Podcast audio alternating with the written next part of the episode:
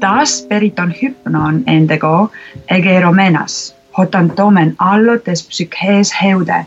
hoson logistikon kai hemeron kai arkone keinu todet äh, periodes de kai agrion, e siton e methes plestem.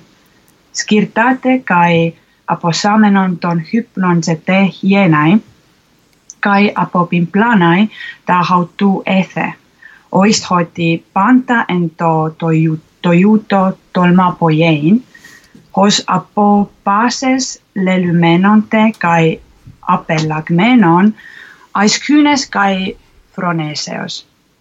Metrite kai epikerein meignystai, hos ojetai, uden oknei, allo hotun antropon kai theon kai therion, miafonein te hotiun,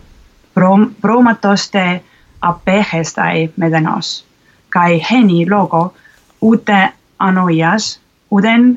eleipei ut anaiskyntias. Nii, see, teen siis kohe sünkroontõlke, et eetris on tähenduse teejuhtide järjekordne äh, saade ja, ja selle lõigu luges meile ette, mis on mõnes mõttes äh, esimene sellelaadne, et me oleme siin äh, stuudios praegu Toomas Lotiga kahekesi,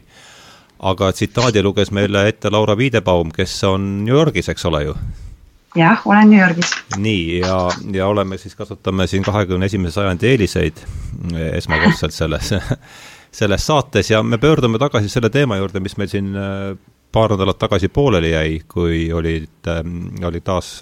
samuti oli siis stuudios Toomas ja ja Mats Volberg tookord ja me rääkisime Politeia, katsime ära, eks, kas oli esimesed kuni seitse? jah ja nüüd me jätkame seal kusagil kuuenda raamatu kandist ja niisugune ambitsioonikas plaan, kuhu ma tõesti täna üritan seda tempot siin natuke hoida, et me, et me jõuaksime ikkagi sinna, kus, mida siis võiks kokku, kaheksas-üheksa raamat, mida võiks nimetada ehk Platoni ajaloofilosoofiaks või midagi, demokraatia kriitikaks nojah, demokraatia kriitika vastu on äh, võib-olla ta-, võib-olla jah, natuke, natuke täpsem. sest see ei ole reaalne ajalugu, mida ta seal jah, seda küll, jah. aga noh, jah Äh, demokraatia kriitika ja siis äh, nii ongi, et mina olen saatejuht Hardo Pajula ja nüüd hakkame kohe rääkima äh, Platonist. et kuidas me seda teeme, Toomas, ole no mina, ma arvan, et no põhimõtteliselt selle seit-, kaheksanda, üheksanda raamatu selline peaeesmärk on siis anda selline ülevaade erinevatest riigivalitsemisvormidest ja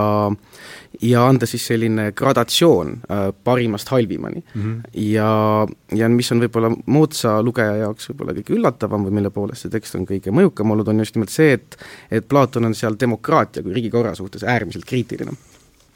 ja aga ma arvan, et selleks, et võib-olla paremini mõista, milles see Platoni demokraatia kriitika õigupoolest seisneb, oleks vaja võib-olla alustada natukene äh, tekstis natukene eespoolt ja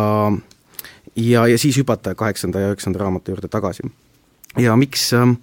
miks see nii on, on see, et me võib-olla saaksime parema nii-öelda, paremini mõistaks seda, mida Platon üldse demokraatia all silmas peab ja milliseid ohte ta näeb demokraatias. ja miks tema poolt pakutud selline, miks ta arvab, et see tema ekspertokraatia või epistokraatia mm. on kuidagimoodi, on kuidagimoodi parem kui, kui demokraatlik riigikord. ja ma arvan, et see, kust me võiks siia teksti hüpata, millest me eelmine kord ka väga ei rääkinud, on äh, see kuulus laeva võrdpilt, mis on hiljematel aastatuhandetel korduvalt ja korduvalt on sellest räägitud ja erinevaid versioone sellest pakutud. aga ühesõnaga kuuendas raamatus siis äh, ütleb Adeimantus ütleb Sokratesele, et noh, et see, et sa ütled, et filosoofid peaks valitsema, et see on selline tore lugu küll, aga mis sinuga vesteldes pidevalt on, on see, et sa tunned, kuidas noh, Sokratesega vesteldes siis, et et sa tunned, kuidas sa jääd pidevalt alla vestluspartnerile, kuna ta nii-öelda on justkui kabe mängija või male mängija, kes lihtsalt teeb osavamini käike mm, -hmm. aga tegelikult nagu see ei veena, mida ta räägib, eks ole. ja siis Sokrates ütleb, et nojah, et nii võib olla küll, aga et noh, et, et sind üritades nüüd veenda uuesti, et filosoofid nii-öelda võiksid valitseda, siis ta pakub võrdpildi mm. -hmm. ja ta pakub võrdpildi siis, mis eeldatavasti peaks siis kirjeldama Äh, kaas, tema kaasaegset Ateena riigikorda siis laias laastus. ja võrdpilt iseenesest siis äh, seisneb selles, et me kujutaksime ette, et et riik on teatud mõttes selline laev või see polis siis, eks ole, ja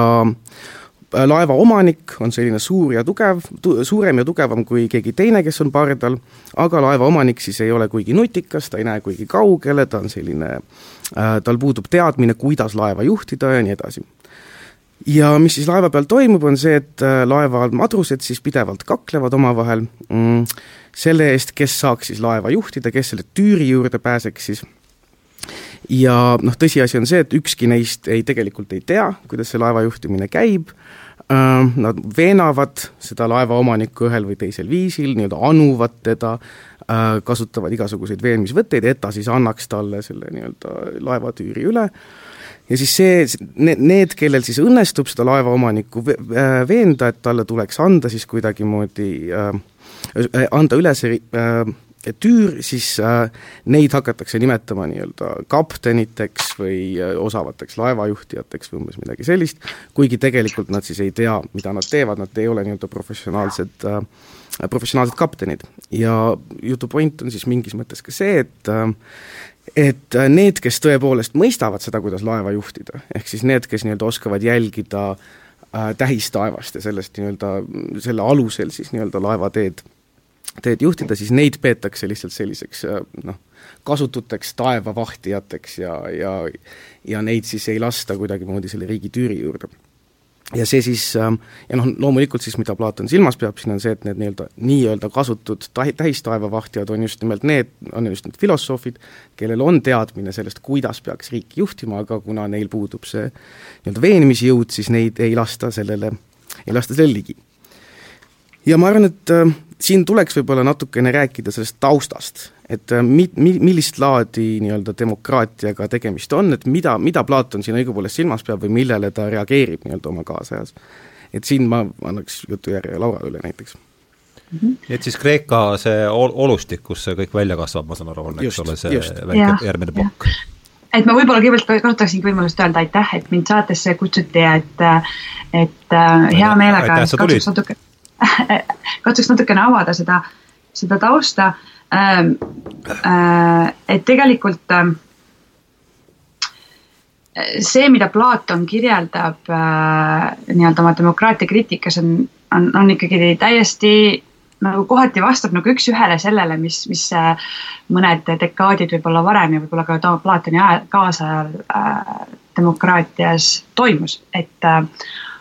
oli tõesti selline äh, radikaalne demokraatia, nagu seda mõne, mõne, mõnel pool kirjanduses kirjeldatakse, et, äh, et kõikidel äh, kodanikel äh, oli võimalus osaleda valitsemises. Ja valiti inimesed valitsemis, valitsemisorg-, valitsusorganitesse kohati loterii alusel, välja arvatud siis mõningatel juhtudel, kindralid näiteks, valitud loterii alusel, aga, aga et ähm,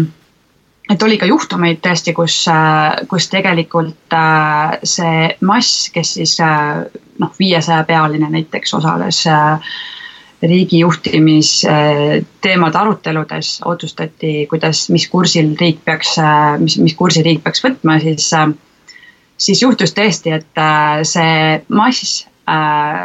suuresti joondus mõne üksiku äh, osava kõneleja või, või sellise reetori kõne, kõnemehe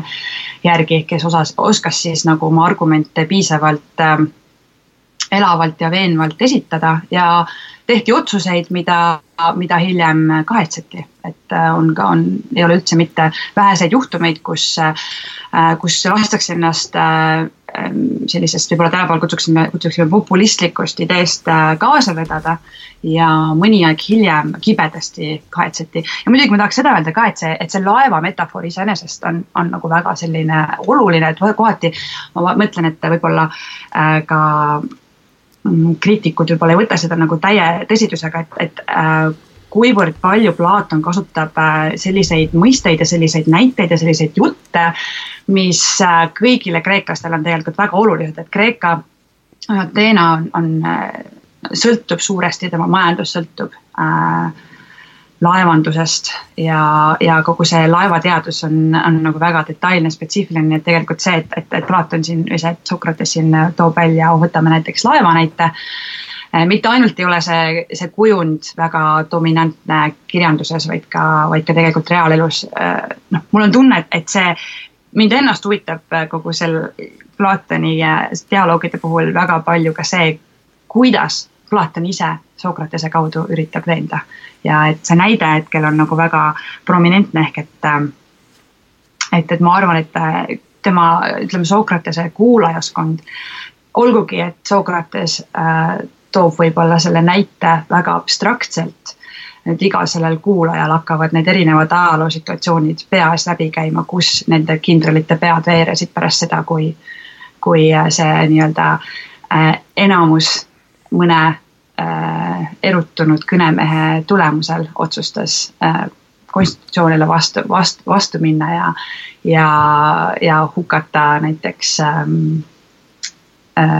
siis ebakonstitutsiooniliselt äh, mõned kindralid, et noh, et, et ühesõnaga see, see, mida Platon tegelikult äh, nagu siin maalib, on, on, on üsnagi, kohati üsnagi tõetruu äh, pilt sellest, mis võis Ateena demokraatias toimuda, aga mitte nagu muidugi, et, et see ei olnud alati selline masside, see, see tähendab, see ei olnud alati selline väga negatiivne, et võib-olla Platon siin Sokratese läbi loob sellise väga negatiivse kujundi, aga et äh, et ähm, võib-olla see polnud alati nagu nii, nii raske või nii keeruline või nii, nii kohutav, jah et ma arvan, Toomas, sa teed midagi lisada? ja ma arvan, et võib-olla mis, mis äh,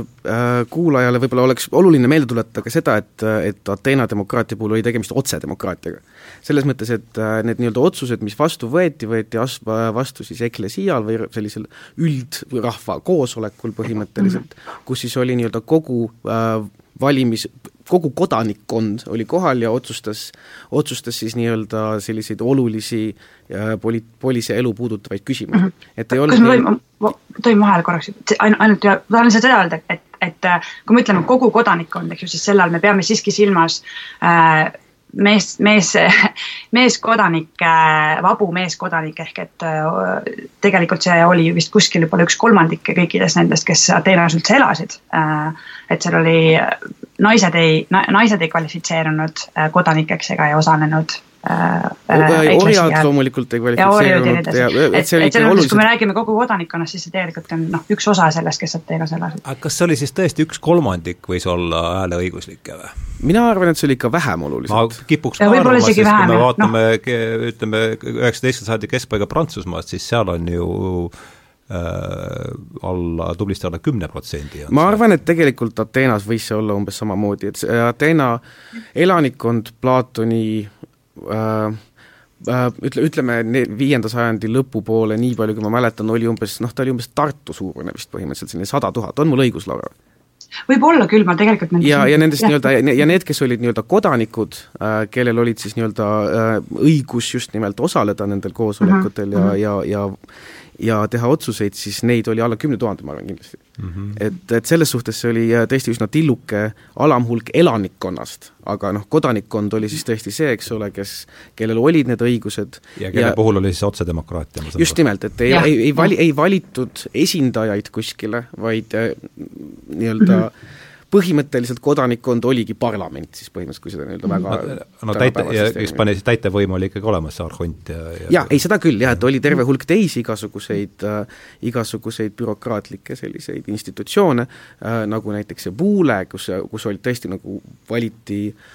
või ühesõnaga loosi alusel kuuluti sinna ja, ja kes siis tegelikult nii-öelda tegi eeltööd nende otsuste suhtes, ühesõnaga vaatas läbi, mis tulevad sellel rahvakoosolekul siis arutlusele põhimõtteliselt no,. aga see, mis toimus, oli see, et, et põhimõtteliselt kui see te-, nii-öelda teema võeti päevakorda, siis eks ole, selline suur äh,, suur rahvakoosolek, siis äh, see, kes pooldas mingit teemat, rääkis äh,, selgitas, miks see on vajalik, see, kes ei pooldanud, rääkis selle vastu ja see kõik nii-öelda toimus koha peal ja, ja see, see, kes suutis nii-öelda veenda seda suurt rahvamassi, siis see põhimõtteliselt sai selle tahtmise, mis tal poliitiliselt kuidas sa nimetasid seda kogu, mis seda päevakava Puule. Puule, jah mm, -hmm. see oleks siis nagu Venemaa kontekstis oleks presidendi kantselei, ma kujutan ette. no võib-olla äh,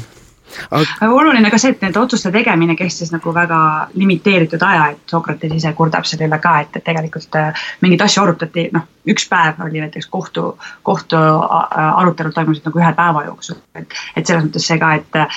et äh, minna koju ja istuda ja mõelda selle üle järgi, järgmisel päeval äh, tulla tagasi ja, ja arutada, mõelda veel, siis selline asi oli nagu tihtipeale välistatud, et üld... et see, et see nii-öelda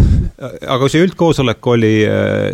sinna kõik kodanikud kuulsid, see juba välistab selle, et nad seal kogu aeg koos istusid, eks, et see pidi siis olema ikkagi, kogunes ainult mingitel just, ja see, ma, ma ei mäleta, mäleta täpselt, kui tihti see kogunes, aga, aga ja noh, oli ka ühtlasi see, et, et minu meelest äh, vaese äh, vaesemale elanikkonnale oli selle eest ka mingisugune tasu, et nad seal osalesid või oli see kohtuprotsessides? see oli kohtuprotsessis ja tegelikult see, see äh, probleem oli selles, et äh, selleks, et osaleda sellistel koosolekutel, tähendas seda, et tihtipeale nagu pidi oma igapäevase töö nagu tegemata jätma, et siis näiteks kuskilt kuskil Attika nagu äh, ümbrusest kohale sõita linna ja, ja siis noh olgugi, et kõik võisid osaleda, siis reaalsus oli see, et ikkagi osales mingisugune teatud kontingent pidevalt, et need, kes siis, äh, need, kes said endale seda võimaldada, tööst eemal hoida. aga kohtu, kohtu äh, küsimustes tõesti siis mingist hetkest juba viienda sajandi keskpaigast minu arvates tutvustati selline ähm, tasu, nii et selle eest, et istuda seal päev otsa ja kuulata kohtukõnesid ja nii-öelda siis sellest sai nagu päevapalka põhimõtteliselt mm, -hmm. et äh, Äh, ja noh, ideeks oli see ka, et, et ähm, ühest küljest soodustada siis vaesema äh, rahva osalemist, kodanikkonna siis osalemist, aga, aga muidugi see, mis siis äh, hiljem kriitikute poolt, äh, mida, mida, mida kritiseeriti, oli see, et, et tihtipeale siis oli nii, et see äh, noh, nagu ikka, eks ju, vaesemat rahvast on, on rohkem ja kui neid, neid julgustada minema, nad saavad selle eest tasu, siis on probleem selles, et kui sulle näiteks äh, Äh, mingi eliidi, äh, keegi kõrgemast äh, või elitaarsem on seal kohtupingis, et siis lisaks ütleme sellele, et kuulatakse ära süüdistus ja, ja kaitse, siis tegelikult on, see hakkab kaasa mängima see dünaamika, et, et sul on nii-öelda eliit versus siis nagu lihtrahvas ja see lihtrahva äh, hinnang võib-olla sellele eliidi isikule, kes seal kohtupingis istub, on nagu nii-öelda juba ette ette ära määratud nagu negatiivne, et, et see nagu see kohtudünaamika oli tegelikult ju seal äh, viienda sajandi keskpaigaks päris, päris keeruline, et ähm, selline klassi, klassisuhe hakkas mängima nagu väga suurt rolli. aga mis on võib-olla, mida tasub tähele panna äh, siin selle teksti jupi juures, mille juures me praegu peatume, on just nimelt see Platoni, see, kuidas ta rõhutab seda veenmise aspekti, eks ole mm, -hmm. et, mhm. mis toimub, on see, et et erinevad tegelinskid üritavad seda laevaomanikku, ehk siis seda nii-öelda Äh, rahvast siis põhimõtteliselt äh, veenda selles, et nemad on nii-öelda sobivad, nemad äh, so-, sobivad valitsema ja nii edasi. ja täpselt, ja oluline on ka see, et näiteks Ateena kohtusüsteem oli selline, et kui sind süüdistati milleski, siis sa pidid ise ennast kaitsma. ja sa pidid ise mm -hmm. suutma kõneleda, sa pidid ise suutma veenda. Ja, ja mõnes mõttes see, see nii-öelda veenmine, oma nii-öelda seisukoha kaitsmine, selleks igasuguste nippide kasutamine, nagu Platon siin ütleb, eks ole, et nad üritavad äh, seda äh, seda laevaomanikku siis veenda mingi, umbes veini, mingisuguste erinevate selliste asjadega, nagu seda laevaomanikku isegi natuke nagu purju teha selleks, et see laevaomanik siis nii-öelda nõustuks nendega. et see nii-öelda, et kasutada igasuguseid, veenmiseks igasuguseid ka irratsionaalseid vahendeid, ühesõnaga ja ma saan aru, et sofistid olid siis need, kes õpetasid siis eh, armsale ilmarahvale seda, kuidas nad saaksid ennast eh, kaitsta ja veenda, eks. jah, kuigi ilmarahvas on, on nagu võib-olla ka palju öeldud, sellepärast et tihtipeale oli kuulujutud just, et sofistid küsisid väga utoopilisi summasid oma õpetamisest no,, et need ei olnud ikkagi kättesaadavad kõikidele, aga jah, et et see pakkus kindlasti sellist, nad, nad pakkusid sellist eh, nii-öelda kiirkursust võimu juurde mm -hmm. ja, ja tegelikult äh, noh, siin, siin just ongi tegelikult huvitav see, et üks on see, et see, et see kogu see teemas või see nagu ütleme, lihtrahvas üritavad erinevaid viisidega saada äh, võimu selle laevaomaniku üle, aga, aga siis on see, et kui keegi nendest suudab tegelikult veenda sõnadega äh,, siis seda inimest hakatakse vaatama kui, kui väga võimekat ja väga andekat ja tegelikult kui tõelist on nagu selline näiv, näiv laevakapten, aga tegelikult tal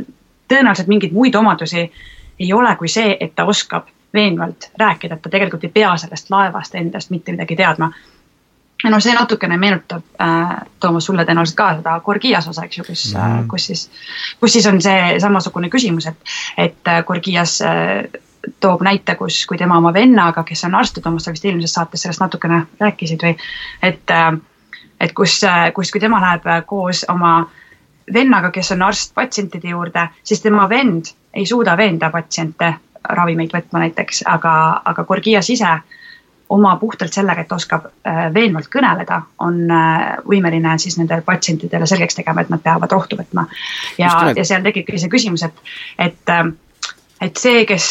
kes lihtsalt oskab, no Gorgias väidabki, et temal on see kõige, kõige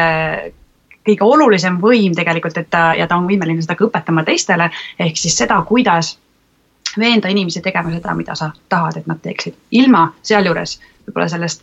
sellest asjast endast väga midagi teadmata mm. -hmm nojah, ja see on ju see, mille, mille vastu Platon ju sisuliselt läheb, eks, et siit retoorikast kaugemale ja et saaks mingi, mingi ankur kuskil nagu maasse lüüa, nii jällegi nii vähe, kui mina sellest asjast aru saan. no just nimelt, kui me nüüd näiteks ja. teeme väikse hüppe tekstis äh, neljasaja üheksakümne kolme juurde, mhm. Siis siin kõneletakse just, eks ole, sofistidest, äh, kes on just needsamad, eks ole, kes õpetavad kõnelema, kes õpetavad seda nii-öelda veenmiskunsti ja nii edasi. kolm, jah? Äh, just ja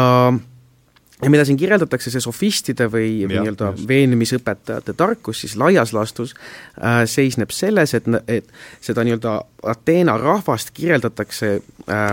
kui sellist äh, hiiglaslikku looma äh, kes on selline hiiglaslik irratsionaalne loom äh,, kellel on mingisugused ihad, mingisugused soovid ja nii edasi, see loom iseenesest ei mõista, mis on hea, mis on halb. äh,, mm,. aga äh, tal on mingisugused eelistused, tal on mingisugune nii-öelda kontseptsioon justkui sellest, mis on hea, ja selles, milles see sofistide tarkus siis seisneb, laias laastus ongi lihtsalt, kuidas seda suurt looma siis nii-öelda talitseda, missugused äh,, mis sellele loomale meeldib, mis sellele loomale ei meeldi ja siis vastavalt siis nii-öelda sööta sellele loomale ette, mis äh, talle hea tundub. ja sealjuures siis äh,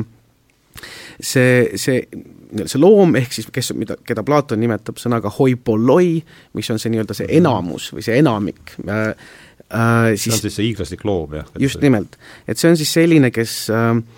kellel puudub tegelikult mõistmine sellest, mis on tõeliselt hea ja mis on tõeliselt halb ja mis on tõeliselt vooruslik. Äh, ja seetõttu siis äh, kõik, mida need sofistid teevad, siis ongi nende, nende lihtsalt selle looma eelistustega tutvumine ja siis seda peetakse siis tarkuseks. ja noh, sellele siis Platon just nimelt vastandub, eks ole, et, et et see, mida nii enamus heaks peab või enamus hüveliseks peab, ei ole sugugi mitte see, mis tegelikult hüveline on, eks ole mm. -hmm. Ma, ärme siin pikalt peatu, aga kuivõrd ma olen siin kahe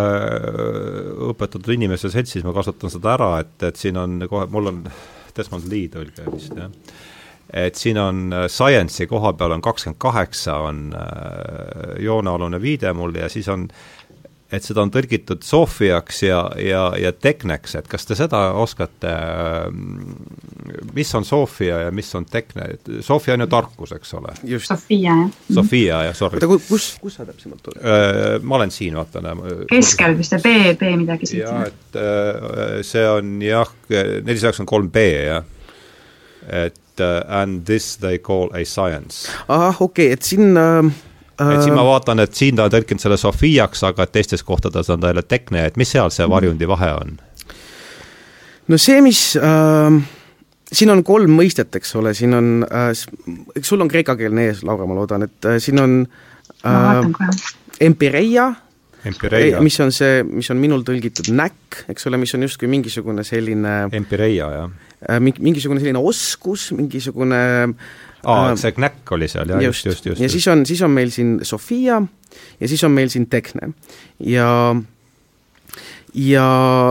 ja no küsimus on selles, et kuidas need nüüd siis eristuvad ja, ja kui seda Gorgiase teksti vaadata näiteks ja ja ka siinsamas põhimõtteliselt leiab sellesama eristuse, on see, et äh, äh see, mida sofistid või retoorikud teevad äh,, neil ei ole tegelikult mõistmist, miks see äh,, mida nad teevad, töötab, miks äh,, et miks äh, äh,, miks mingisugused asjad veenavad inimesi, miks mingisugused teised asjad ei veena inimesi. mida, mis neil on, on mingisugust laadi kogemus lihtsalt, et see empireia on tihtilugu, tõlgitaksegi lihtsalt kogemuseks. kogemus, just, just äh,. Ja, ja see tähendab, et äh, kuna sellel, seal puudub selline nii-öelda ratsionaalne võime seletada, miks mingisugune asi on äh, tõene ja miks mitte, siis tegelikult tuleb seda eristada tehnest, kus tehne on just nimelt see, mis, äh, mis on selline ratsionaalne oskus et seda on ka kunstiks näiteks tõlgitud ja no ühesõnaga mm -hmm. noh, ütleme arst olemine on tehne ja ja kui seda näiteks Gorgiase teksti vaadata, millele Laura viitas, siis seal just eristatakse äh, äh, arst, kes teab, miks mingisugused ravimid on kehale head, äh, kokast, äh, kes siis lihtsalt teeb maitsvaid toite, aga ta ja ei tea, miks need maitsevad ja nii edasi, nii edasi, ja see, mida, mida ta oskab teha, on äh, tekitada naudingut kehas, aga ta ei tea isegi, kuidas ta seda täpselt teeb, mis seda põhjustab, nii edasi, nii edasi, et see põ-, põhineb lihtsalt mingisugust laadi harjutusele ja kogemusele. aa, see oli see, mida ta siis tõlkis knäkiks, eks ole, see, ja siis ta oleks empireia siin ja, ja, ja Sofia või Sofia siis oleks see kõrgema taseme tarkus, mille poole Platon püüdleb või? no just, iseenesest Platon väga ei erista Sofia ja episteeme ja tehne ja selliseid asju, mm. Aristoteles hiljem eristab need väga selgelt ah,, aga, aga noh, põhimõtteliselt no tavaliselt öeldakse, et Sokratesil ja Platonil on selline just nimelt selline tehne kontseptsioon Sofiast. ehk siis äh, kui sul on mo-, äh, inimene, kes mõistab moraali sama hästi, kui arst äh, mõistab meditsiini, on siis moraalne inimene ja temal on see Sofia, temal on oskus elada. ja see oskus elada on just nimelt mõnes mõttes äh, sarnane sellise arsti, arstioskusele, mm, kus, kus sa oskad äh, põhjendada, miks sa mingisuguseid asju teed, miks mingisugune ravim töötab, miks selline käi-, tegu on hüvel või õiglane ja nii edasi, nii edasi, et see selle poole ta ju tegelikult pöö-, püüdleb, eks ole, et, et kõlbeline teadmine oleks äh, samasugune nagu see arsti jällegi just, nii, nii, nii palju, kui mina sellest ja. aru saan. aga kena, et no, üks, aga ma tahtsin seda juurde üht, ühte asja veel öelda, et muidugi see Sofia, ta ütleb siin ka, et nagu seda kutsutakse Sofiaks, eks ju, et et tegelikult äh, see mängib natuke sellega, et sofistid tulevad ju ka, sest Sofistes on see, kes on tegelikult, kes väidab, et tal on nagu mingisugune Sofia. see on ju sama tüvi, jah, sama tüvi muidugi. et, äh, et äh, seal on, on nagu see filosofia siis. filosofia, jah. jah aga kena, me oleme siin heas seltskonnas on ju pool tundi läinud niikuinii juhti, et järsku nüüd võtame, liigume, minu ettepanek oleks küll selline, et eelmise korra kogemus on siin all ka, et et järsku nüüd liiguks ikkagi kohe sinna kaheksanda raamatu või on sul, Toomas, teisi plaane, et ei, minu pärast võib liikuda, lihtsalt ma, ma tahan, no mõnes mõttes tahaks osutada sellele, missugune on selline Platoni selline kontseptsioon sellest demokraatlikust enamusest. et ta nii-öelda vaatab seda demokraatlikku enamust kui teatud mõttes sellist irratsionaalset suurt looma, kellel on omad mingisugused soovid, kellel on omad mingisugused uskumused ja nii edasi. Äh,, aga need, enamus neist uskumustest on väärad. Äh,, lisaks sellele see loom laseb ennast äh, erineval viisil manipuleerida kogu aeg inimeste poolt, kes oskavad seda teha ja mõnes mõttes see noh, küsimus on, et mida ta selle enamuse all silmas peab ja äh, no ühest ja et kas see on lihtsalt üksikud inimesed nii-öelda eraldi võetuna, et see, et see päris äh, ja lihtsalt nende summaga see päris nii ei ole, et näiteks kui vaadata seda, kuidas ta nelisada üheksakümmend kaks kirjeldab äh,, kuidas see nii-öelda enamus istub koos nendes assambleedes, kohtutes, teatrites ja nii edasi, ja kuidas nagu mõnes mõttes nende, nende emotsioonid, nende uskumused kuidagi võimenduvad sellega, kuidas, kuidas nende hüüdmine ja, ja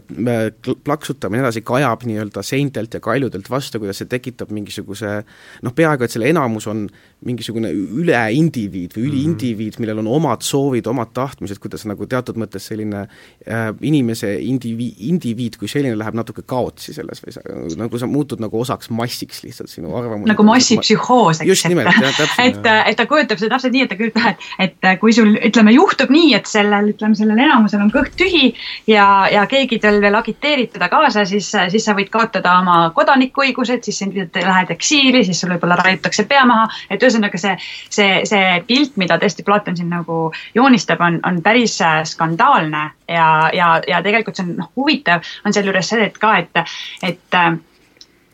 et olgugi nad istuvad seal nagu eli-, elitaarsete vestluspartneritega koos, siis tegelikult selliseid asju ikkagi nagu välja öelda. et selliste poli-, minu arvates demokraatia nägemust sellisel viisil nagu seda kujutada on ikkagi,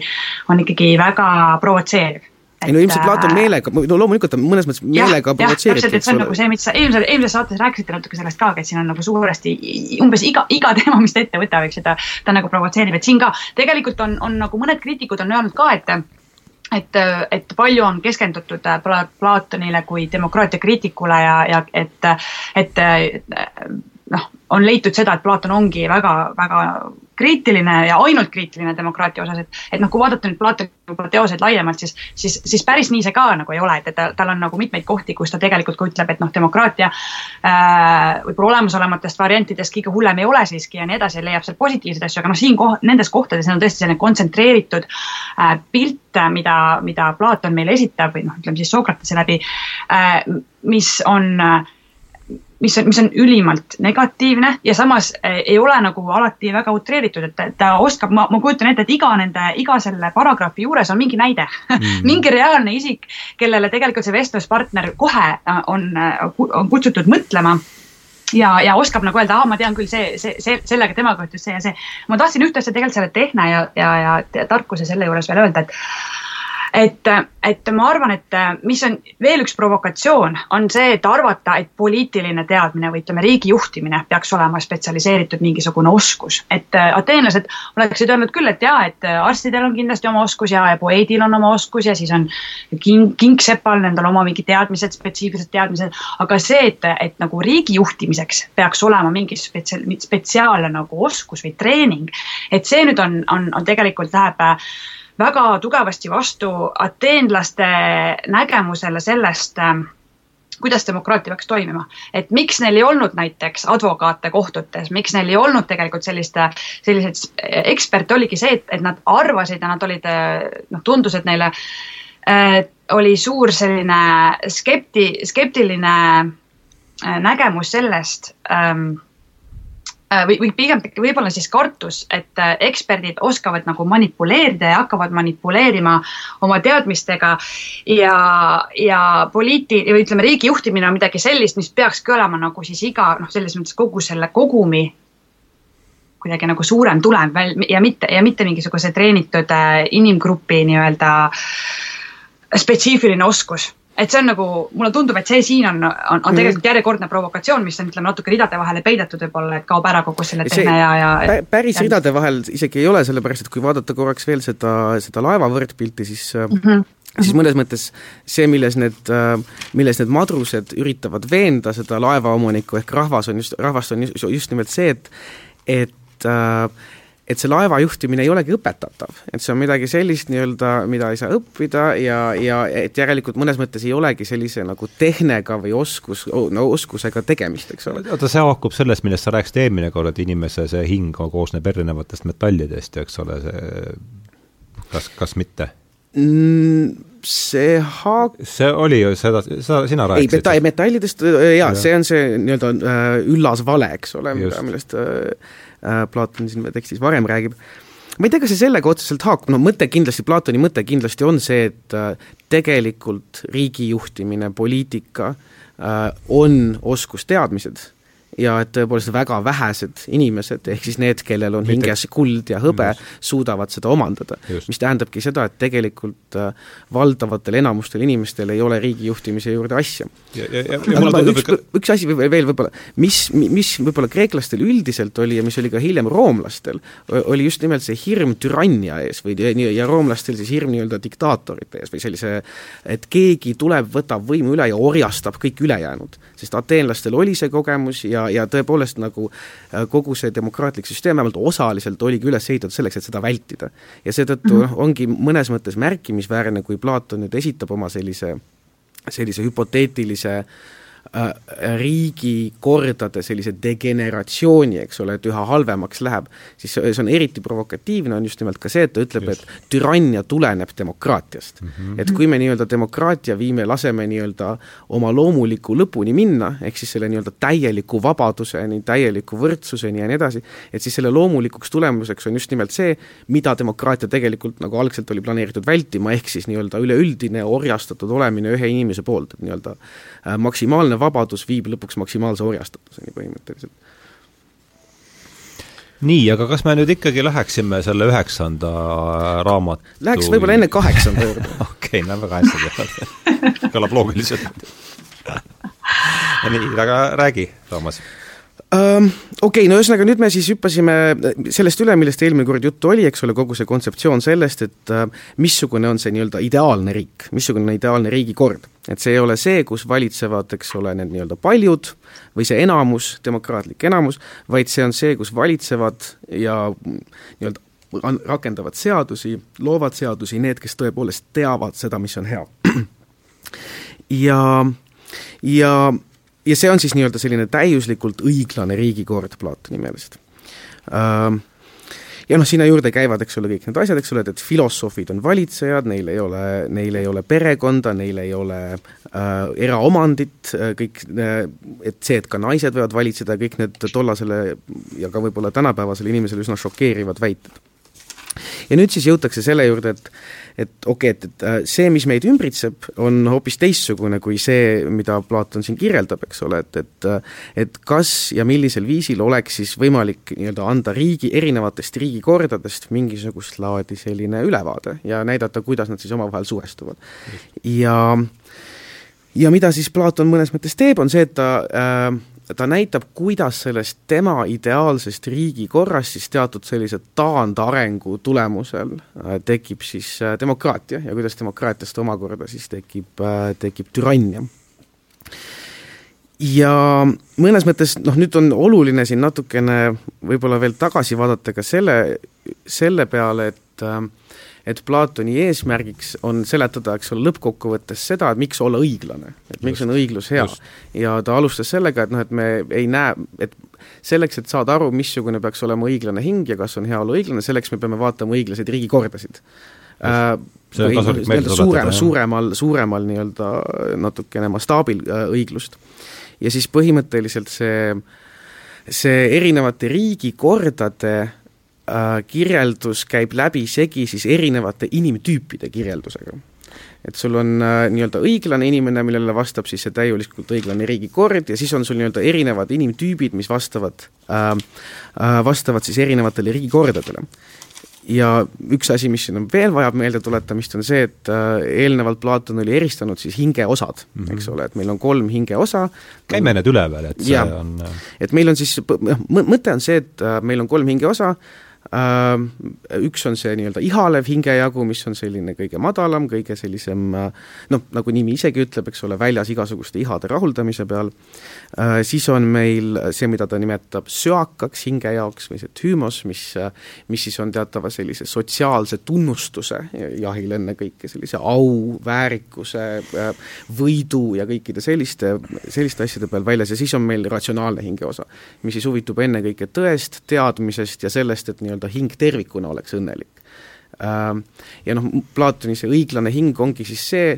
kus siis see õiglane hingeosa, vabandust, kus see ratsionaalne või see arukas hingeosa siis valitseb kogu nende ülejäänud mm. hingeosad üle ja need siis teevad seda, mis, mis neil kästakse teha. see Kaariku metafoor siis oli? no see on Phaedroses, aga põhimõtteliselt aga põhimõtteliselt jah, sama asi. jah, jah ja, ja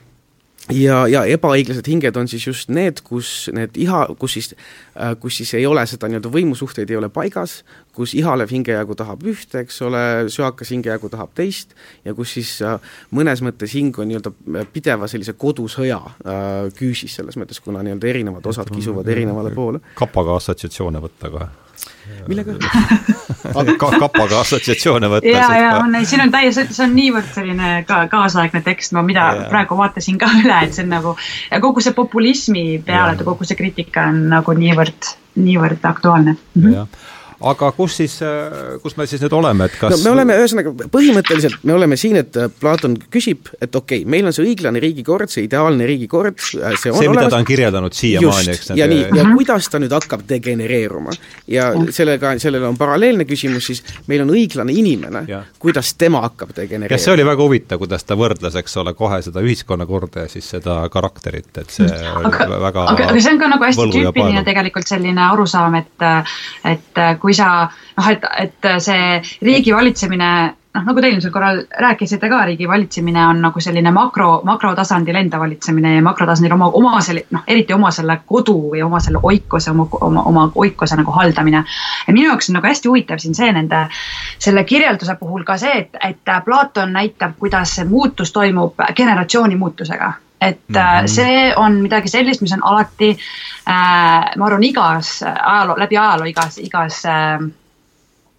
äh, igas riigikorras vist nagu natuke hirmus, kui on generatsioonivahetus. ja matused on nagu väga sellised äh, noh, poliitilised äh, nii, nii Ateenas kui ka noh, kui ka tänapäeval. et ähm,, et see on nagu huvitav, tegelikult jah, et igast, iga riigikord nagu degenereerub järgmise generatsiooniga ehk et nagu äh, tuleb, tuleb see siis järeltulev põlv, kes äh, mingil põhjusel ei saa osa nendest samadest äh, noh, printsiipidest, arusaamadest, väärtustest ja seal toimub see degenereerumine, pluss siis sealjuures peab olema mingisugune, mingisugune korrumpeeruv aspekt, et huvitav just see, et selle esimese aristokraatia korrumpeerumise puhul on see, on see korrumpeeruv efekt, kui ma nüüd õigesti aru saan, on see, on see tegelikult kodus, on see äh, abikaasa. võib-olla, aga võib-olla teekski niimoodi, et, et,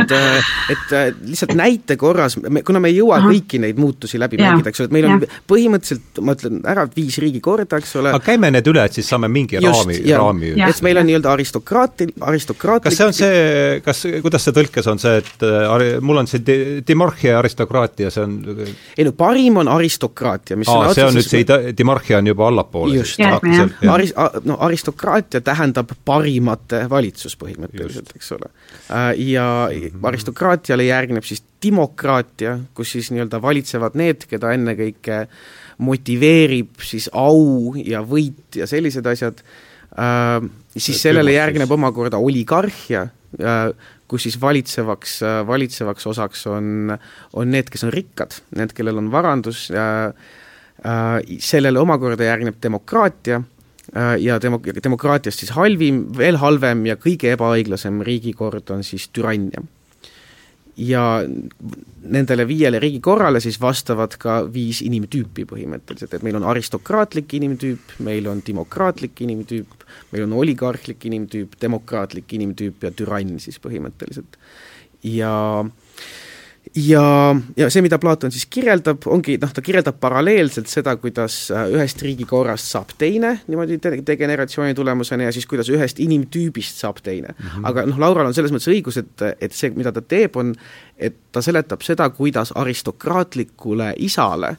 mõne, kuidas aristokraatlikust isast mõnes mõttes tuleneb see demokraatlik poeg Mm -hmm. et ta ei kirjelda seda, kuidas aristokraatlik hing ise degenereerub, vaid just nimelt järgmine generatsioon on see, mis degenereerub. aga võtame selle,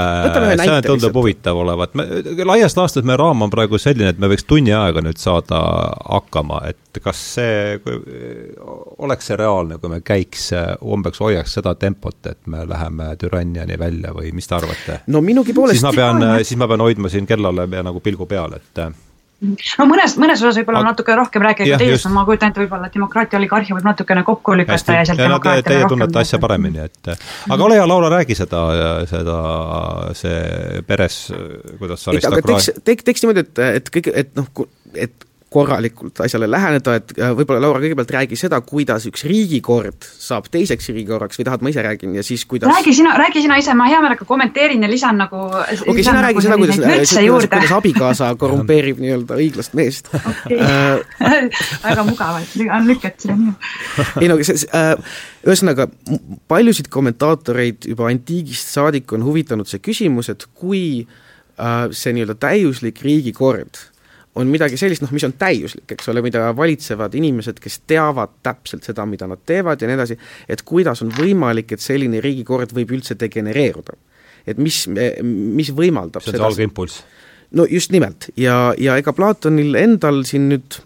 väga head vastust sellele ei ole, noh, paljud on selle üle arutanud, et mis siis täpselt toimub, aga sisuliselt näib olevat siis see, et selles algses riigikorras, eks ole, valitakse need, kes on äh, parimad äh, valitsema ja iga nii-öelda eelnev generatsioon valib siis järgmised, nad nii-öelda selekteerivad välja kõige targemad, annavad neile parima võimaliku hariduse ja siis see kordub generatsioonist generatsiooni. seda ta siin ju kirjeldas, eks ole, mismoodi need filosoofid ja kuida-, see aga nüüd, hariduslik ja, probleem. ja kuidas ta seda seletab, siis mis nüüd siis vahepeal juhtub, on see, et äh, et on mingisugune selline loomulik äh, äh, hingede sünniprotsess, kus teatud aja tagant enam äh, ei sünni mingisugune hulk kvaliteetseid hinge enam, ühesõnaga hingede kvaliteet korraks nagu kahaneb. ja ta annab mingisuguse väga segase äh, matemaatilise põhjenduse sellele, miks see, miks see olema peab.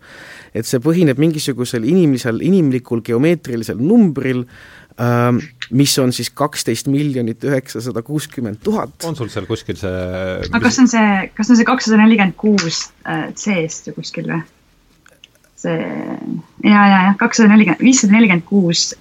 äh, A algusest hakkab ja siis sealt edasi on numbrid tulevad. ja seda nimetatakse Platoni numbriks, et, et kuidas ta selle numbri mhm. täpselt saab, kust ta selle võtab, et selle üle on juba noh, kaks tuhat aastat arutatud, et ma arvan, et sellest me võime lihtsalt äh, rahulikult üle minna. ja noh, see, mida ta põhimõtteliselt lõpuks väita tahab oma selle nii-öelda numbrimaagia kaudu, on see, et mingisugusel hetkel mhm. inimlike hingede kvaliteet langeb ja see tähendab siis seda, et, äh, et enam ei sünni nii-öelda, et mingi vahe ei sünni parimaid ja see siis tähendab seda, et see valitsejate kvaliteet langeb. ja, ja, ja nagu ta väidab, et äh, selle valitsejate kvaliteedi langemise tulemusena ta enam ei keskendu nii-öelda tarkuse, teadmise saavutamisele ja nii-öelda parimal võimalikul viisil valitsemisele, vaid hakkavad nende jaoks oluliselt, oluliseks muutuma just nimelt see nii-öelda au, see äh, nii-öelda äh, võitmine, kõik sellised asjad, ja, ja mis, mis on võib-olla märkimisväärne, on see, et äh, et kohe, kui see nii-öelda ideaalkorra lagunemine hakkab toimuma, siis äh, tekitatakse, tekib eraomand äh, mm. valitsejatele mis -hmm. tähendab seda, et nii-öelda just nimelt see äh, eraomandi olemasolu tekitab ja, valitsejates nii-öelda motivatsiooni saada võimalikult palju eraomandit ja kõik need asjad, ja siis see, mõnes mõttes see eraomandi tagasitoomise tulemusel siis hakkab nii-öelda kogu see lumepall veerema ja mhm. põhimõtteliselt hakkab -hmm. ringkord degenereeruma. Ma võib-olla lisaksin või selle, selle puhul, mis on nagu huvitav just selle aristokraatia korrumpeerumise puhul, on see, et äh, nüüd jättes kõrvale selle, mis, missugune kvaliteet sul seal ümber on äh, riigis ähm,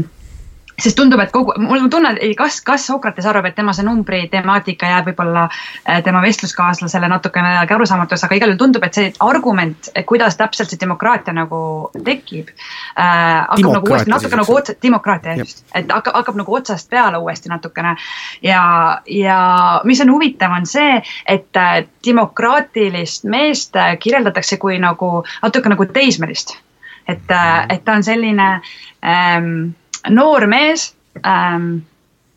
kelle, kelle isa, kelle, oluline on see, et selle noore mehe isa on aristokraat, eks ole, noore kelle mehe isa, kelle isa on aristokraat ja kes ja, ja nüüd, ja nüüd mis põhjusel tema ise aristokraat ei ole, on see, et noh, ma arvan, et seal mängib rolli see, et, et, et noorel äh, noorel mehel nii või naa on nagu mingi selline loomukohane nagu püüdlus äh, väljapaistvuse ja ütleme sellise au ja võidu ja selliste asjade järgi. Ja siis seda tõenäoliselt kultiveerib siis noh, selles võrdpildis siin eh, ema kodus. Mida mul eriti nagu mugav lugeda ei olnud, aga olgu. Ähm, et põhimõtteliselt siis on see, et on selline, on, on see selline, on, on aristokraatne isa, kel, kes hoidub äh, kes hoidub äh, avalikust tähelepanust, kes hoidub äh, kohtus käimisest,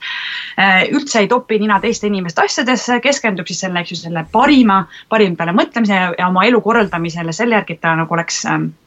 siis koherentne äh, oma printsiipidega. Ja, aga samal ajal on kõrval tal abikaasa, siis naine, kes äh,, kes äh, hakkab kurtma, et näed, teised, teised on, teised on, teistel on rohkem raha teistel on rohkem võimu, teised on palju huvitavamad ja, ja, ja heidab nagu seda oma siis abikaasale ette, et ta nagu ei äh,, ei osale või, või ei tee oma perele siis seda, mis on perele naise arvates kõige parem ja, ja muidugi Ademantus, äh, tema siis Sokratese vestluspaaslane kohe muidugi oskab ette kujutada seda naisterahvast, kes selline võiks olla ja ma, ma nüüd praegu koha pealt mõtlen, et, et olles näinud äsja Sokratese näidendit siin New Yorgis äh,. oli hea või? Oli väga oli, hea, ärge, ei hakka üldse rääkimagi, ja, ja õudselt hea oli. aga, aga et kohe tuleb muidugi ette see, et, et autokraatne Sokrates siis sellise näägutava Xantippe kõrval, et noh, see, see võib-olla see, see Sokrates siin kasutaks natuke nagu oma näidet, et Ademantus ühesõnaga kohe hüppab selle, selle argumendi otsa ütleb ja, ja muidugi seda, sellist naist ma kujutan endale kohe väga hästi ette. kes siis hakkab nii-öelda seda poega korrumpeerima, nüüd ongi see, et, et see poeg siis ähm,, tal on võib-olla nagu oma, oma loomu poolt ka juba, kuna ta on noor äh,, tal on sellised äh, äh, huvid või, või ütleme äh, juba ette määratud tahe nagu välja paista ja, ja, ja nagu au ja võidu järgi joosta, et siis nagu kui see ema seda nagu kultiveerib, et siis sealt tegelikult hakkabki pihta see, et, et ta enam ei, ei saa oma sellest aristokraatilisest isast aru ja, ja need väärtused muutuvad kas ma, kas ma jätsin midagi? ei, ma arvan, et see on väga, no kuidas mõnes mõttes tõesti see nii-öelda söakas hingejagu äh, hakkab üha rohkem domineerima, eks ole. tõrjub selle ratsionaalse Just. välja, eks. noh, mitte täielikult ja, veel, eks ole, aga, aga ja mõnes ja, mõttes võib-olla on märkimisväärne, eks ole, see, et kuidas no Platonil on vaja seletada, noh ja Platon ei ole ainus, eks ole, järgmised, ma ei tea, tuhat viissada aastat on vaja seletada, kuidas on võimalik, et äh, mingisugusest ideaalsest olukorrast äh, tuleb vähem ideaalne olukord, eks ole. ja noh, mõnes mõttes on see poolkoomiline, kuidas ta seletab seda noh, see, see riigikorra seletuseks on see mingisugune number, aga see, kuidas see nüüd inimliku äh,, inimese puhul juhtub, on, et äh, naine on mängus, selles mõttes, et nagu see nii-öelda halb alge või see nii-öelda degenereeriv alge on siis see nii-öelda õiglase mehe abikaasa, et see mõnes mõttes võib-olla näitab aga, seda Platoni feminismi piire natuke. ah, vabandust, vahepeal natuke haki, kas kuuled? ei, praegu on kõik hästi kuulda. et, äh, et ähm, mind nagu huvitas see, et, et huvitaval kombel nagu tõenäoliselt argumendi huvides on nagu siis kujutatud situatsiooni, kus tegelikult nagu see aristokraatlik mees ei ole aristokraatias. see, selles mõttes, et kui tal ümber on, ütleme, kui naisel on, ütle, ligipääs või, või ta saab, näeb inimesi, teisi inimesi, kes keegi tegelikult ei ole aristokraat, et kus sellel, no ühesõnaga, ma hakkasin, hakkasin mõtlema selle peale, et kui sa oled nagu tõesti tõelises aristokraatias ja seda juhib aristokraat, ehk siis noh, aristokraat, eks ju, Platoni mõttes, eks ju, see, kes teab ja kellel on need väärtushinnangud kõik paigas. et kuidas siis sellel, kuidas siis noh, et ähm, järelikult siis tegelikult mingi lagunemine peab olema juba olemas. ideaalses, ideaalses versioonis on ju ka, et kõik noh, enamik ja, või ütleme, kõik siis on samasuguses väärtussüsteemis. aga siin nagu see, kuidas ta seda indiviidi langemist nii-öelda kirjeldab, on ikkagi, ikkagi nagu pigem sellise võib-olla kaasaja Ateena nagu äh, vürtsidega. et äh,, et, et ta on nagu see aristokraat, kes on tegelikult ümbritsetud juba ette äh, mitte ideaalses aristokraatias. just, ja, ja no mõnes mõttes tasub tähele panna isegi ju seda, eks ole, et, et et see aristokraatlik mees või aristokraatlik nii-öelda hing, kellest jutt on, et see ei saa olla see valitseja, kellest eelnevalt juttu oli. sest valitsejatel ei ole mehi ega naisi, eks ole. ja neil ei ole ka selles mõttes ka nende äh, lapsed on kõik ühised. ja, ja seetõttu oh, siis jah, muidugi, jah. see nii-öelda see ja, hinge, hingelangus, äh, seda tuleb Õige vaadata küll, era, eraldi nagu ühesõnaga, aristokraatlik inimene ei ole äh, et aristokraatlik inimene ei pea olema selles nii-öelda Platoni aristokraatlikus riigikorras, et põhimõtteliselt on ettekujutatav, et on aristokraatlik mm -hmm. inimene ka nii-öelda tema kaasaegses Ateenas ja see siis tõepoolest nagu justkui kirjeldab, kuidas sellest kuidas võib saada nii, et aristok-, et parimal inimesel, tema poeg ikkagi lõppkokkuvõttes ei ole parim, et kust see nii-öelda langemine tuleb ja see langemine mõnes mõttes tulebki see, et sellest, et et väärtushinnangud nii-öelda muut-, see, see, mis motiveerib, muutub ja see, mis hakkab siis motiveerima, on just nimelt, eks ole, tahe võita, tahe nii-öelda aud saavutada ja nii edasi ja nii edasi. mis viib siis valitsejate, jah, ole hea. et, et, et mis sealjuures on minu arvates hästi huvitav, on see, et, ähm, et Platon tegelikult näitab meile, et äh, niisama heas keskkonnas üles kasvades ei ole garanteeritud, ehk et, ehk et teadmised ja õiged väärtushinnangud ei ole midagi sellist, mida saab sulle, mida sa saad passiivselt omandada. et selles mõttes, et isegi nagu aristokraatlik, kõige ideaalsemas perekonnas üles kasvades on sul välismõjutused ja selleks, et saada ise aristokraatseks inimeseks või, või ütleme, õigete väärtushinnangutega inimeseks, selleks sa pead ikkagi ise tööd tegema ja vaeva nägema, et see ei piisa sellest, et sa oled pass-, passiivselt, saad nii-öelda neid, neid, neid väärtushinnanguid kodust. et see on nagu päris huvitav selles mõttes, et see ikkagi paneb selle selle äh, töö ja vaev tuleb ikka igalühel endal ära näha, isegi kui sa oled ideaalsest kontekstist pärit mm. -hmm nii, Toomas, on sul midagi lisada või hakkame siis no, minema mööda allakaigu spiraali alla Just. edasi või meie, meie demokraatia poole et noh, et äh, mõnes mõttes, mis siis nüüd järgneb, on noh, mõnevõrra ennustatav, eks ole, et nüüd äh, Platon kirjeldab seda, kuidas selles nii-öelda demokraatlikus riigikorras äh, kus siis äh, ütleme, kui selles parimas riigikorras valitsesid, eks ole, need, kes olid, kellel oli teadmine, kellel oli see poliitiline ekspertiis, siis demok-... ja kellel ei olnud eraomandust valitsejate klassis just, et ja see on siin oluline. jah, ja siis mis toimub siis demokraatias, on see, et äh, et pigem hakkavad valitse, valitsejateks saama need, kes on head väejuhid, kes suudavad nii-öelda saavutada võite äh, sõjakäikudel ja nii edasi, kes suudavad äh,, kelle ühesõnaga see nii-öelda söakas hingejagu domineerib ja ke-, ja ühtlasi, kellel on siis eraomand. ja mõnes mõttes siis äh,, mis siis toimub oligarhia tekkimisel, ongi just nimelt see, et et need äh, demokraatlikud või sellised au ja kuulsuse ja võidule suunatud väärtused siis äh, valitsejates asenduvad siis varandusega seotud väärtustega. et ühesõnaga, et on ole-, kuna eraomand on olemas, kuna on olemas see see nii-öelda kuld, mida nad võiksid potentsiaalselt omandada, siis põhimõtteliselt äh, äh, siis põhimõtteliselt valitsejad muutuvad siis nendeks, kes väärtustavad ennekõike just nimelt raha äh, või kes nii-öelda varandust armastavad ja mis siis on oluline, on ka see, et, et Platoni järgi siis oligarhias, mis toimub, on see, et äh,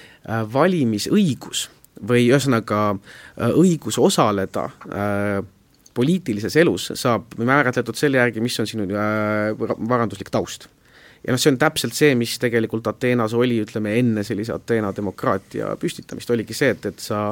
et ainult teatud nii-öelda sissetuleku, teatud varandusliku taustaga inimesed olid kodanikud põhimõtteliselt. aga see oli siis Platoni ajaks juba ära see oli jah, ammu enne Platonit. aga noh, see, mida Platon mõnes mõttes kirjeldab, on just nimelt sellist laadi ühiskonnakord, eks ole, kus domineerivad, kus, kellel on, kus poliitiline otsustusõigus on ainult neil, kellel on vastav nii-öelda varanduslik taust. -hmm. ja nüüd sellele, sellele ühiskonnakorrale siis äh, vastab äh, vastavat laadi inimene, et võib-olla Laura, sa siis räägid sellest oligarhilisest inimesest natukene. vaata kohe ähm,. ma hakkasin otsima tegelikult seda, ma hakkas huvitama korraks see, et ma tegin endale märkmuse eelmisel korral, kui ma seda lugesin, et kus ähm, kus täpselt see demokraatia korrumpeerumine toimub ja mulle, mulle nagu meenus, et kas ei olnud mitte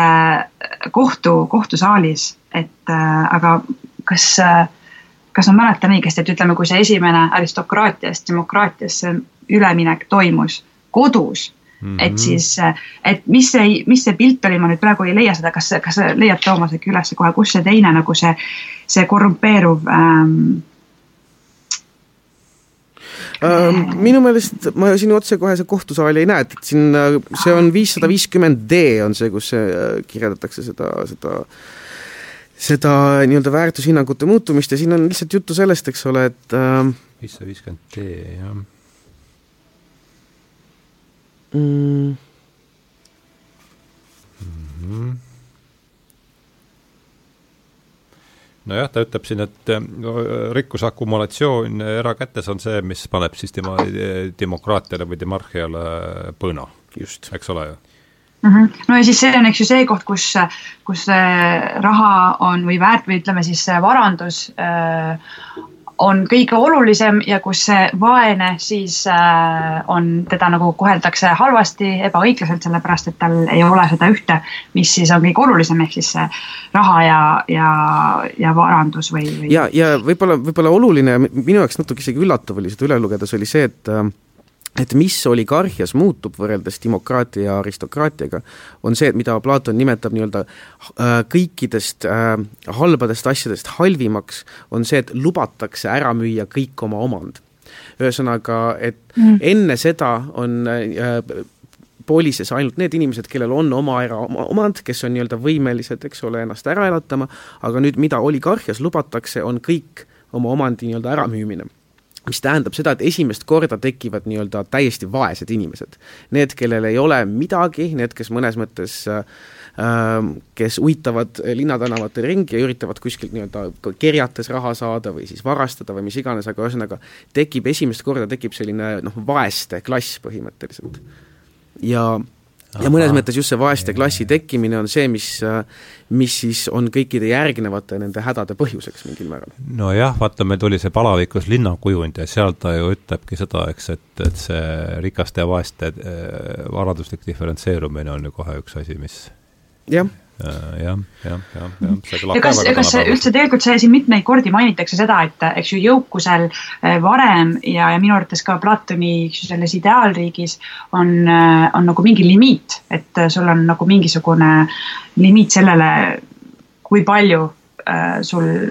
võib rahavarandust olla. et noh, see on mhm. muidugi järjekordselt praegu väga kaasaegne debatt, et kas, kui, kui palju on liiga palju äh, raha, et, et see on siin nagu, Platon tundub, on nagu kõige peale mõelnud, et mm. aga võib-olla mida selle oligarhilise ri-, riigikorra puhul äh, rõhutada tasub ja mida, mida, mida Platon ise rõhutab, on see, et see on esimene riigikord, kus ta ütleb, et ühes polises on tegelikult kaks polist Mm -hmm. ehk siis nii-öelda mm -hmm, sul on nii-öelda sellesse, kogu sellesse riigikorda on sisse programmeeritud see, et sul on mm -hmm. see nii-öelda vaeste klass kellel on omad vajadused, omad nii-öelda väärtused, neid motiveerivad asjad, ja siis on sul see rikaste klass, eks ole, kes ja mõnes mõttes need kaks gruppi moodustavad nii-öelda sellise, sellise plahvatusohtliku olukorra, eks ole. ja, ja see on just nimelt see ja, ja see mõnes mõttes seostub sellega, kui Platon eelnevalt kirjeldas seda ideaalpolist, siis seda ideaalpolist iseloomustas just ühtsus eks ole, ta on nii-öelda üht-, ta on struktureeritud ühtne nii-öelda üksus, kus on see ratsionaalne osa valitsejad, eks ole äh,, harmoonilisel viisil valitseb kõigi ülejäänute üle. aga siin on mm -hmm. sul nüüd nii-öelda, ja no mõnes mõttes kõigi motivad, kõigi motiivid, kõigi väärtused teatud mõttes ühtivad aga see, mis nüüd oligarhias tekib, on just nimelt selline seesmiselt pingestatud nii-öelda kaks, kaks linna ühes nii-öelda. Ja seal on muidugi ka see asi, et, et tegelikult see kõik on nagu vääramatu, et ta liigub sinna suunas, et see polariseerumine ainult suureneb, sellepärast et, et kui sa oled jõukas, siis äh, sa oled teel ja sul on vajadusi, sul on, ütleme, kõik sind paneb sellele teele, et sa tahad aina rohkem äh, raha, eks ju, ja aina rohkem seda varandust ja jõukust. ja teisest küljest, kelle arvelt see tuleb, see tuleb ikka selle teise grupi osalt, nii et ühesõnaga see, see polariseerumine aina intensiivistub nii, et et, et see grupp, kellel ei ole mitte midagi, saab aina suuremaks. Ja see grupp, kellel on hästi palju see saab, läheb väiksemaks mm. -hmm. et põhimõtteliselt see nagu vastandus, ta nagu see polariseerumine on, on nagu ka nii, et ütleme, kui sa noh, nagu Toomas ütles, eks, et, et alustad sellest, et kõikidel on nagu ühtsed väärtused, sul on nagu üks suur grupp, siis, siis see isegi ei ole nagu pooleks minemine, vaid see on nagu, see on al,, algab võib-olla kuskilt poolest, eks ju, et, et on pool rahvast on nagu vaesem ja pool rahvast on natuke nagu rikkam, aga see tegelikult see suund on selleni, et sa lähed selles suunas, kus sul on väga vähesed, kellel on väga palju ja väga palju, kellel ei ole mitte midagi. ja siis sealt tuleb, eks ju, see plahvatus ja demokraatia. demokraatlik revolutsioon sisuliselt. demokraatlik revolutsioon, jah, täpselt. aga kus see demokraatia ei ole tingim-, demokraatlik ei ole tingimata meeli-, meelitussõna siis? ta pigem on selle vastand, jah jah, jah, et noh, see on siis, eks ju, see on nagu eh, jõuga eh, natuke nagu selline meeleheitlik no, samm. mingis et, et mõttes me võime ju bolševistlikku revolutsiooni pidada demokraatlikuks eh, revolutsiooniks just nimelt sellele samale vastandile, mis oli siis enne revolutsiooni seal tekkinud, eks jah, väga ilusti, ma arvan. ma arvan küll, jah. Aga ikka väga masti-, mastaapselt, eks, et no selles mõttes siin on teine sõnaga väga, väga see jah. jah, see, aga see jah, no selle vahepeal on ilmas jah. Ja.. stsenaarium on nagu täitsa täheldatav. Aga ja, äh, kas sa, Laura, tahad ise rääkida? oligar-, oligarhilisest äh, mehest? jah, vaatame isikut, jah. No aga mulle tunduski, et vaata, see ongi see, kus viissada viiskümmend kolm B sealt edasi, kus see tegelikult äh, kus kus see kogu see kohtu, kohtu ähm, ja siin on see, siin tuleb see kohtuteema tõesti sisse. kohtteema, eks ju, et ähm, kus see, ma ei näe seda. viissada viiskümmend kolm B. ahah. viissada viiskümmend kolm B, jah, huvitav. et, et kus siis, et kus siis tekib nagu ütleme, demokraatiast äh, see, demokraatiast, kus tekib see oligarhiline mees ja see on jällegi, eks ju, generatsioonide muutusega ehk et no jällegi, siin on nagu selline näide, mida, mida, mida iga teeline võib kohe une pealt, äh, võib kohe nagu nime sinna juurde selle näitele tuua, et äh, ehk et äh, kui siis poeg hakkab nägema seda, kuidas tema, ütleme, austja võidu, võidust nii-öelda liikuma pandud isa või, või sellest motiveeritud Aa, isa ähm,, kindral näiteks, kuidas siis teda hakatakse kohtusaalis ähm, Äh, niimoodi siis äh, pitsitama ja, ja, ja kuidas ta siis kaotab kõik, äh, mis ta, mis ta nagu on siis teeninud. Ähm, või, ja isegi oma elu ja, ja selle tulemusel, kuna ta nüüd on pere kõik ära kaot-, pere, pere on kõik oma varanduse, kogu oma sellise siis äh, au ja hiilguse, mida isa kindralina näiteks on, on teeninud, on kõik ära kaotanud, siis see poeg äh, näeb, et äh, noh, tuleb hakata ennast üles töötama ja hakkab üles töötama, siis äh, näeb, et mis, mis oluline on, on, on raha ja, ja tegelikult hirm, hirm, ellujäämise hirm selle kohtusüsteemi ees on see, mis teda hakkab siis, hakkab motiveerima seda Aha. raha nagu ja varandust äh, kokku äh, koguma. ja ta, ja ta töötab ja, ja ta, ta hoiab raha kokku ja ta on äh, ahne ja ihne ja, ja siis sealt see rikkus tulebki, aga see on nagu suuresti motiveeritud sellest, mida ta siis on nagu näinud, kuidas tema isa, isaga on nagu sellises noh, jällegi taaskord väga selles demokraatilises kontekstis nagu juhtunud, et, et see ähm,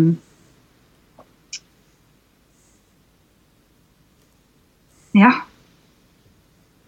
No ühesõnaga ja mis on võib-olla oluline äh, selle äh, oligarhilise inimese juures on see, et, et nagu vähemalt Platoni meelest, et see oligarhiline riigikord on see, kus on nii-öelda kaks poolist, eks ole. ja mõnes mõttes see oligarhiline inimene on siis nüüd ka esimene, kus on selline selge sisemine konflikt et selle mhm. demokraadi puhul ei olnud see isegi nii selge, aga mida see oli, oligarh siis ühelt poolt ta noh, nagu Platon ütleb, eks ole, ta tõepoolest on ihne, eks ole, kuna, kuna ta oma selles, no mida Platon nimetab selleks tsitadelli, tsitadelliks ehk selleks nii-öelda oma valitsevasse positsiooni on asetanud just selle raha armastava osa, eks ole, selle ihaleva, raha ihaleva osa, et siis see soov raha saada domineerib kõike muud ja seetõttu ta nagu mõnes mõttes käitub äh, nagu traditsiooniliselt vooruslikult, et ta hoiab oma ihasid kontrolli all, eks ole, et niivõrd, et kuna see nii-öelda raha saamine on igas mõttes kõige olulisem, siis ta nii-öelda siis ta, kõik ülejäänud ihad on kuidagi nagu äh, see noh, kontrollitud selle iha poolt. ja seetõttu ta peab ka nägema välja kui nii-öelda õiglane inimene, inimene, kes hoiab, eks ole, lepingutest kinni, kuna noh, see võimaldab tal äri teha ja üha rohkem raha saada. aga mida ta siis ütleb, on see, et et kui nüüd talt ära võtta äh, need nii-öelda välised kitsendused, et kui tal ta näiteks panna äh, orbude hooldajaks ja nende orbudega võib ta teha mida iganes, eks ole, et ja siis tuleb see nii-öelda selline mõnes mõttes selline, selline madalate ihade selline teemonlik pool tuleb tas mm -hmm. välja. ja et need kaks nagu sellist, ühelt poolt sellised madalad ihad, nagu seksuaalne iha, lihtsalt äh, noh, vägivald, mis iganes äh,, see siis vastandub sellisele nii-öelda väliselt lugupeetud rikkale inimesele, kes siis nii-öelda peab olema väliselt lugupeetud ja rikas, kuna see on nii-öelda instrumentaalselt vajalik selleks, et saada üha rohkem ja rohkem raha. et see on nagu mhm. ainus, mida see inimene mõnes mõttes tahab, aga siis, kui tal on võimalik, siis noh, siis ta käitub nii-öelda täiesti nagu äh, ei oleks mingisuguseid ahelaid ja, ja, ja teeb igasuguseid, igasuguseid õudusi, saadab korda mm. -hmm. et seal on hästi huvitav, on see, et, et see kõige olulisem motivaator on, on just mitte nagu niivõrd võib-olla see tahtmine, kuivõrd hirm. et äh, hirm see, mida ta kunagi on nagu näinud, ütleme hirm kogu seda oma varandust kaotada. ja see siis on see, mis teda motiveerib äh, käituma ja nagu see on ka see, et siis, kui ta panda situatsiooni, kus ei oleks hirmu, et ta midagi kaotaks, siis sellises kontekstis, nagu Toomas ütles, laseb ta ennast nii-öelda vabaks ja teeb mhm. mida iganes. aga, aga, aga no just, et siis, et siis tegelikult kogu see maa alla surutud äh, alla surutud hingeosa siis nii-öelda võtab täielikult võimust, et siis ei ole nagu enam üldse mingisugust selles mõttes sellist dialoogi, et see on väga,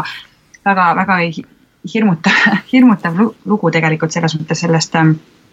mis selles inimeses endas nagu toimub et äh, pideva hirmu all, et oligarh on, on tegelikult pideva hirmu all. No mm, mitte isu hirmu all, kuid türann, nagu me hiljem näeme, kes on, elab permanentses hirmus. Um.... jah, no see on võib-olla teine, nagu teine tase võib-olla siis, aga et, et see on nagu selles mõttes selline nagu pidev rahakaotus, ütleme see, see varandus on see, mis, eks ju, tal, mis, mis mis determineerib või, või paneb, osutab sellele, mis, mis kohas ta või kus ta täpselt ühiskonnas on ja, ja kui ta nüüd äh, selle koha kaotab, siis ta on nagu ennast kaotanud, et see on selles mõttes selline mm. -hmm. no ja mis siis edasi saab, Toomas?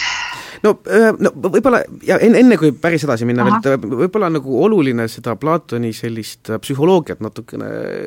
nagu tähele panna, mõningaid asju siin on just nimelt see, et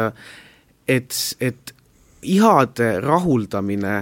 muudab nad tugevamaks mm.. ja, ja see on mõnes mõttes see nii-öelda läbiv dünaamika kogu selles nii-öelda vähemalt isikliku elu nii-öelda degenereerumise protsessis, eks ole, kus on üksikisikutest juttu. et ütleme tõepoolest, et kui see selle äh, äh, dimokraadi poeg, eks ole, on alguses nii-öelda mõnevõrra rahaahne, siis mida rohkem nii-öelda ta seab need rahaga seotud ihad esiplaanile, seda tugevamaks nad muutuvad ja seetõttu see nii-öelda, et see, see, see on dünaamiline, see ei ole sta-, sta, nagu staatiline selles mõttes, et ma lihtsalt annan nüüd sellele äh, raha soovivale osale nagu tugevama positsiooni, vaid see on pigem see, et kui ma ta juba lasen juhtivale positsioonile, siis ta üha rohkem kindlustab ennast, nii-öelda need ihad saavad üha rohkem võimendatud ja, ja lõppkokkuvõttes nad nii-öelda noh, domineerivad täielikult, nii-öelda lämmatavad inimese täielikult selles mõttes. et see mm. ratsionaalne hingejagu siis muutub ainult nii-öelda orjaks põhimõtteliselt sellele raha soovivale hingejagule, et kui nii-öelda õiglane struktuur oleks see, et see nii-öelda ratsionaalne, arukas, mõistuslik hingeosa valitseb kõigi ülejäänute üle, et siin, mis siin siis toimub, on just nimelt see, kuidas see, kuidas see ihalev hingeosa, kes siis on, on see raha soovib, et see siis muutub juhtivaks ja, ja, ja see, mida tegelikult see mõistuslik hingejagu siis on lihtsalt instrumentaalne, et nii-öelda kuidas nutikalt üha rohkem raha juurde saada ja nii edasi mm. -hmm. et see, mis peaks juhtima, on siis nüüd orjastatud põhimõtteliselt. ja mida aeg edasi, mida, mida mida rohkem neid ihasid täita, seda rohkem orjastatud ta on. Ja, ja, ja noh, selles mõttes selline plaatonlik plaatonlik ja hiljem võib-olla ka kristlik mõte ja äh, on just nimelt see, et kui ihadele järgi anda, et see ei ole nagu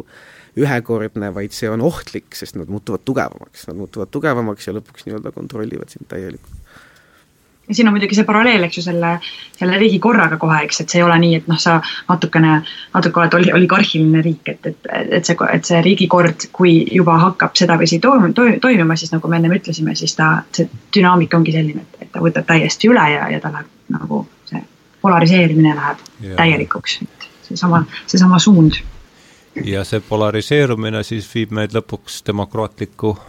revolutsioonini, et võib, hakkame siis seda arutama. ja no nagu Platon siis ütleb, eks ole, et või noh, Sokrates äh, äh, teg-, kui tegelane äh, ütleb, et äh, noh, et tekib üha suurem äh, vaeste nii-öelda kontingent, eks ole äh,, inimestel, kelle, inimesed, kellel pole mingisugust eraomandit äh, ja kes nüüd siis äh, satuvad, nagu ta ilusti ütleb, et kuskil festivalidel või, või kuskil äh, äh, satuvad siis nende rikastega äh, üheskoos olema, nad panevad tähele, kuidas need rikkad tegelikult äh, kui vähemagi füüsilise pingutuse puhul nad nii-öelda hingeldavad, need on äh, vormist väljas, nad ei ole füüsiliselt tugevad ja nii edasi, ja siis äh, tuleb nendel vaestel mingisugune hetk pähe, et äh, need inimesed on täielikult meie nii-öelda äh, armu all, et lõppkokkuvõttes nagu võiksime teha nendega mida iganes, sest nad on nõrgad ja see siis tähendabki seda, et äh, noh, põhimõtteliselt siis mingisugusel hetkel, kui see vaeste kontingent muutub piisavalt suureks ja tugevaks äh,,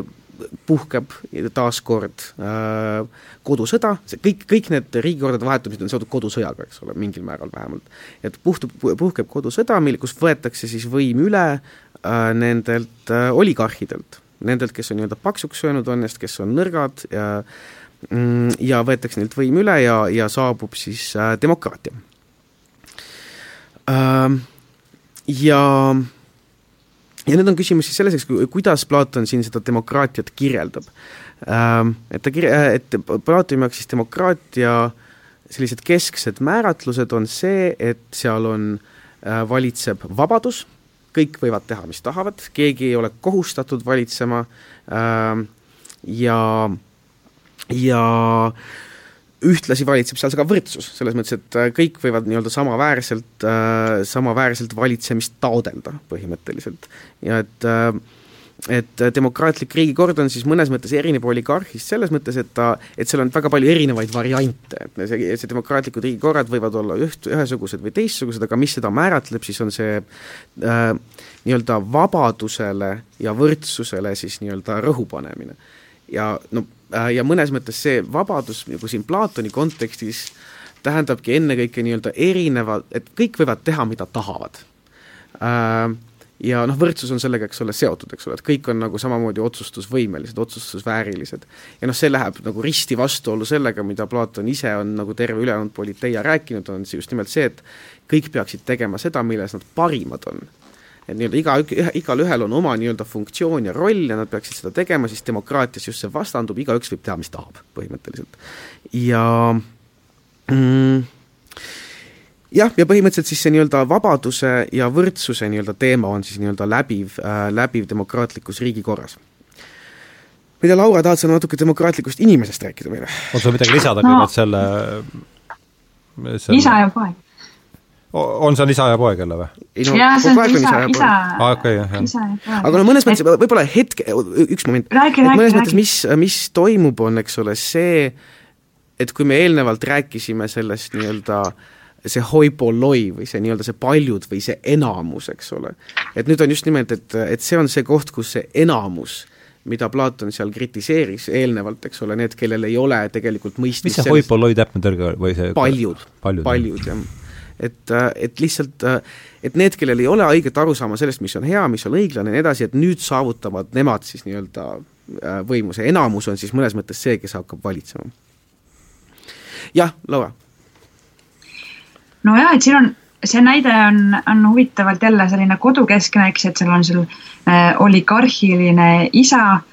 ja, ja siis poeg, kes on, eks ju, selles mõttes samas, samas vaimus nagu üles kasvatanud, kasvatatud ja ähm,. muide, ma tahtsin sinna vahele öelda seda, et kui ma neid näiteid nüüd lugesin, siis, siis õudselt hakkas meenuma Aristofanese komöödiat, mul on tunne, et iga, iga, umbes iga näide on nagu kuskil Aristofanese komöödias võetud, et siin on ka, kus see muidugi generatsioonide konflikt on, on just nimelt, eks ju, pilvedes, Aristofanese pilvedes, pilvedes on, on, on, eks ju, Sokrates see, kes, kelle juurde siis see isa pöördub selle mõttega, et, et äkki hariks oma poega ja, ja lõpuks siis poeg saab nii harituks, et et äh, vägivallatseb isavalla, mis on muidugi Kreeka kontekstis ja Kreeta kultuuris kõige, kõige hullem asi üldse, mis saab juhtuda, on see, et tõstetakse käsi oma isa vastu, et see on, need on, äh, selle jaoks on, on kohe väga-väga hirmsad karistused, no ja siin ongi siis selline situatsioon, eks ju, kus ähm, äh, kus siis äh, äh, poeg. Kuule, tead, Toomas, äkki sa, ma vaatan, ma kaotasin oma järje, mul kuskil on näited, äkki sa räägid sellest, äh, sellest isi, isikust, kuidas täpselt, ma vaatan, siin on see isa, isa ja poeg, aga mis seal täpselt äh, ma otsin oma, ma otsin oma, ma otsin oma okay,, võib-olla siin Platon teeb sellise olulise eristuse kõigepealt. Ähm,, mm, et ta eristab kahte tüüpi ihad. et osad ihad on need, mida ta nimetab paratamatuteks. et nagu näiteks iha, noh, söögi järgi äh, ja umbes selliste asjade järgi, ihad nii-öelda, mille rahuldamisest äh, me ei saa, ei pääse kuidagimoodi mööda, äh, sest nende rahuldamine on vajalik lihtsalt elamiseks. ja siis ütleme, nendele ihad, nende ihade kõrval ta nimetab ihasid, mis on, mis ei ole paratamatud, mis ei ole vajalikud ja ilma milleta mm -hmm. me tegelikult saaksime elada. ja, ja siin on peamine näide, on just nimelt seksuaalne iha. ja nüüd, äh, mida, mis oligarhilist äh, Äh, oligarhilist äh, meest siis iseloomustas, oli just nimelt see, et ta suutis neid eristada ja ta kontrollis nii-öelda peamiselt äh, oma, oma neid seksuaalihasid ja nii edasi ja lasi need ainult valla siis, kui, siis kui tal midagi kaotada ei olnud. Ja nüüd, mis siis toimub sellise, ühesõnaga kasvat-, kui noor mees kasvab üles sellise oligarhilises perekonnas, kus just nimelt pööratakse tähelepanu sellele, kuidas võimalikult raha kokku hoida ja kuidas mõnes mõttes, kuna rahuldatakse ainult neid ihasid, mis äh,, mis on paratamatud ja ei kulutata raha mitte millegi muu peale ja siis Platon ütleb, et noh, kujutame ette nüüd seda noort meest, eks ole, kes on kasvanud üles sellises nii-öelda väga kokkuhoidlikus ja ka harimatus eluviisis, et siis kui ta nüüd satub maitsma seda nii-öelda, mis, mida need nii-öelda ülejäänud naudingud tegelikult pakutab, pakuvad, ehk siis nii-öelda nauding, ma ei tea, poeesiast, nauding seksist, nauding veinist, kõik need asjad, et äh, see mõnes mõttes äh, mm, hakkab teda nii-öelda muutma, hakkab teda transformeerima, tema, tema tema motivat-, motiveerivad nii-öelda faktorid muutuvad teistsuguseks, noh talle hakkab meeldima see selles mõttes, et kui on kits, kitsi isa, siis pojal on tõesti noh, ta on kasvanud üle, üles mingis mõttes, raha on palju, aga täielikus kontrolli all, eks ole, ja siis mingi hetk, kui tal avaneb võimalus pääseda ligi nendele naudingutele, mille jaoks tal tegelikult raha on, siis on täiesti mõistetav, eks ole, kuidas kuidas need nii-öelda mõnes mõttes madalamad või need mitteparatamatud naudingud hakkavad tema elu kontrollima. no see on seesama jutt, et kui sa ihasi rahuldad, siis nad kasvavad, eks? Just, täpselt, jah mm. -hmm. no just, et kui sa ühele, et eks ju oligarhilises peres, eks ju, sul on nagu üks iha, mille, millele nagu siis rõhutakse, on see, et nagu saaks rohkem varandust ja siis, et aga, aga samas, eks ju, on, on, on nagu paralleelsed teised ihad, mida nagu alla surutakse, siis, siis nagu Toomas ütles, eks ju, kui antakse võimalus, siis tegelikult nende teiste iha, teised ihad tulevad võimule ja siis, siis me, see inimene, keda me selle tulemusel näeme, ongi siis nagu täiesti fundamentaalselt nagu igasse erinevasse suunda kisutud inimene, kellel ei ole nagu mingit sellist äh, ühte konkreetset printsiipi, aga, aga ta, aga tal on äh, soov ja tahe rahuldada kõiki neid ihaseid. Ja, ja siis ja et siis on ja. nagu see ihaldav hinge osa on nüüd lõplikult sinna kutserepukki saanud siis? no mõnes mõttes küll jah, et aga no mõne, see minu meelest on see väga selline noh, üsna mõjus, kuidas Platon seda kirjeldab, et see ei ole selline, et lihtsalt ihad tulevad ja saavad mm -hmm. võitu, et see on ikkagi see, et see noor mees hakkab vastu neile, et see vahepeal ta nagu ütleb, et saadab need uued ihad eksiili, eks ole, aga siis need tulevad sealt eksiilist tagasi. ja siis noh, lõppkokkuvõttes nagu erinevad inimesed nagu annavadki noh, erineval määral neile järgi, aga lõpp, aga, aga, aga noh, põhimõtteliselt tähendab see ikkagi seda, et need mittevajalikud ihad muutuvad siis äh, domineerivaks ja mistõttu siis see inimene hakkab väärtustama just nimelt äh, absoluutset vabadust kõikvõimalike ihade rahuldamiseks põhimõtteliselt äh,. Mm aga samas ikkagi see nii-öelda isa poolt saadud selline äh, teatav intuitiivne eristus mingisuguste äh, no mingisugust laadi sellised, mingi, mingisugused ihad on veel siiski liiga madalad, et neid rahuldada ja selles mõttes, et see jääb,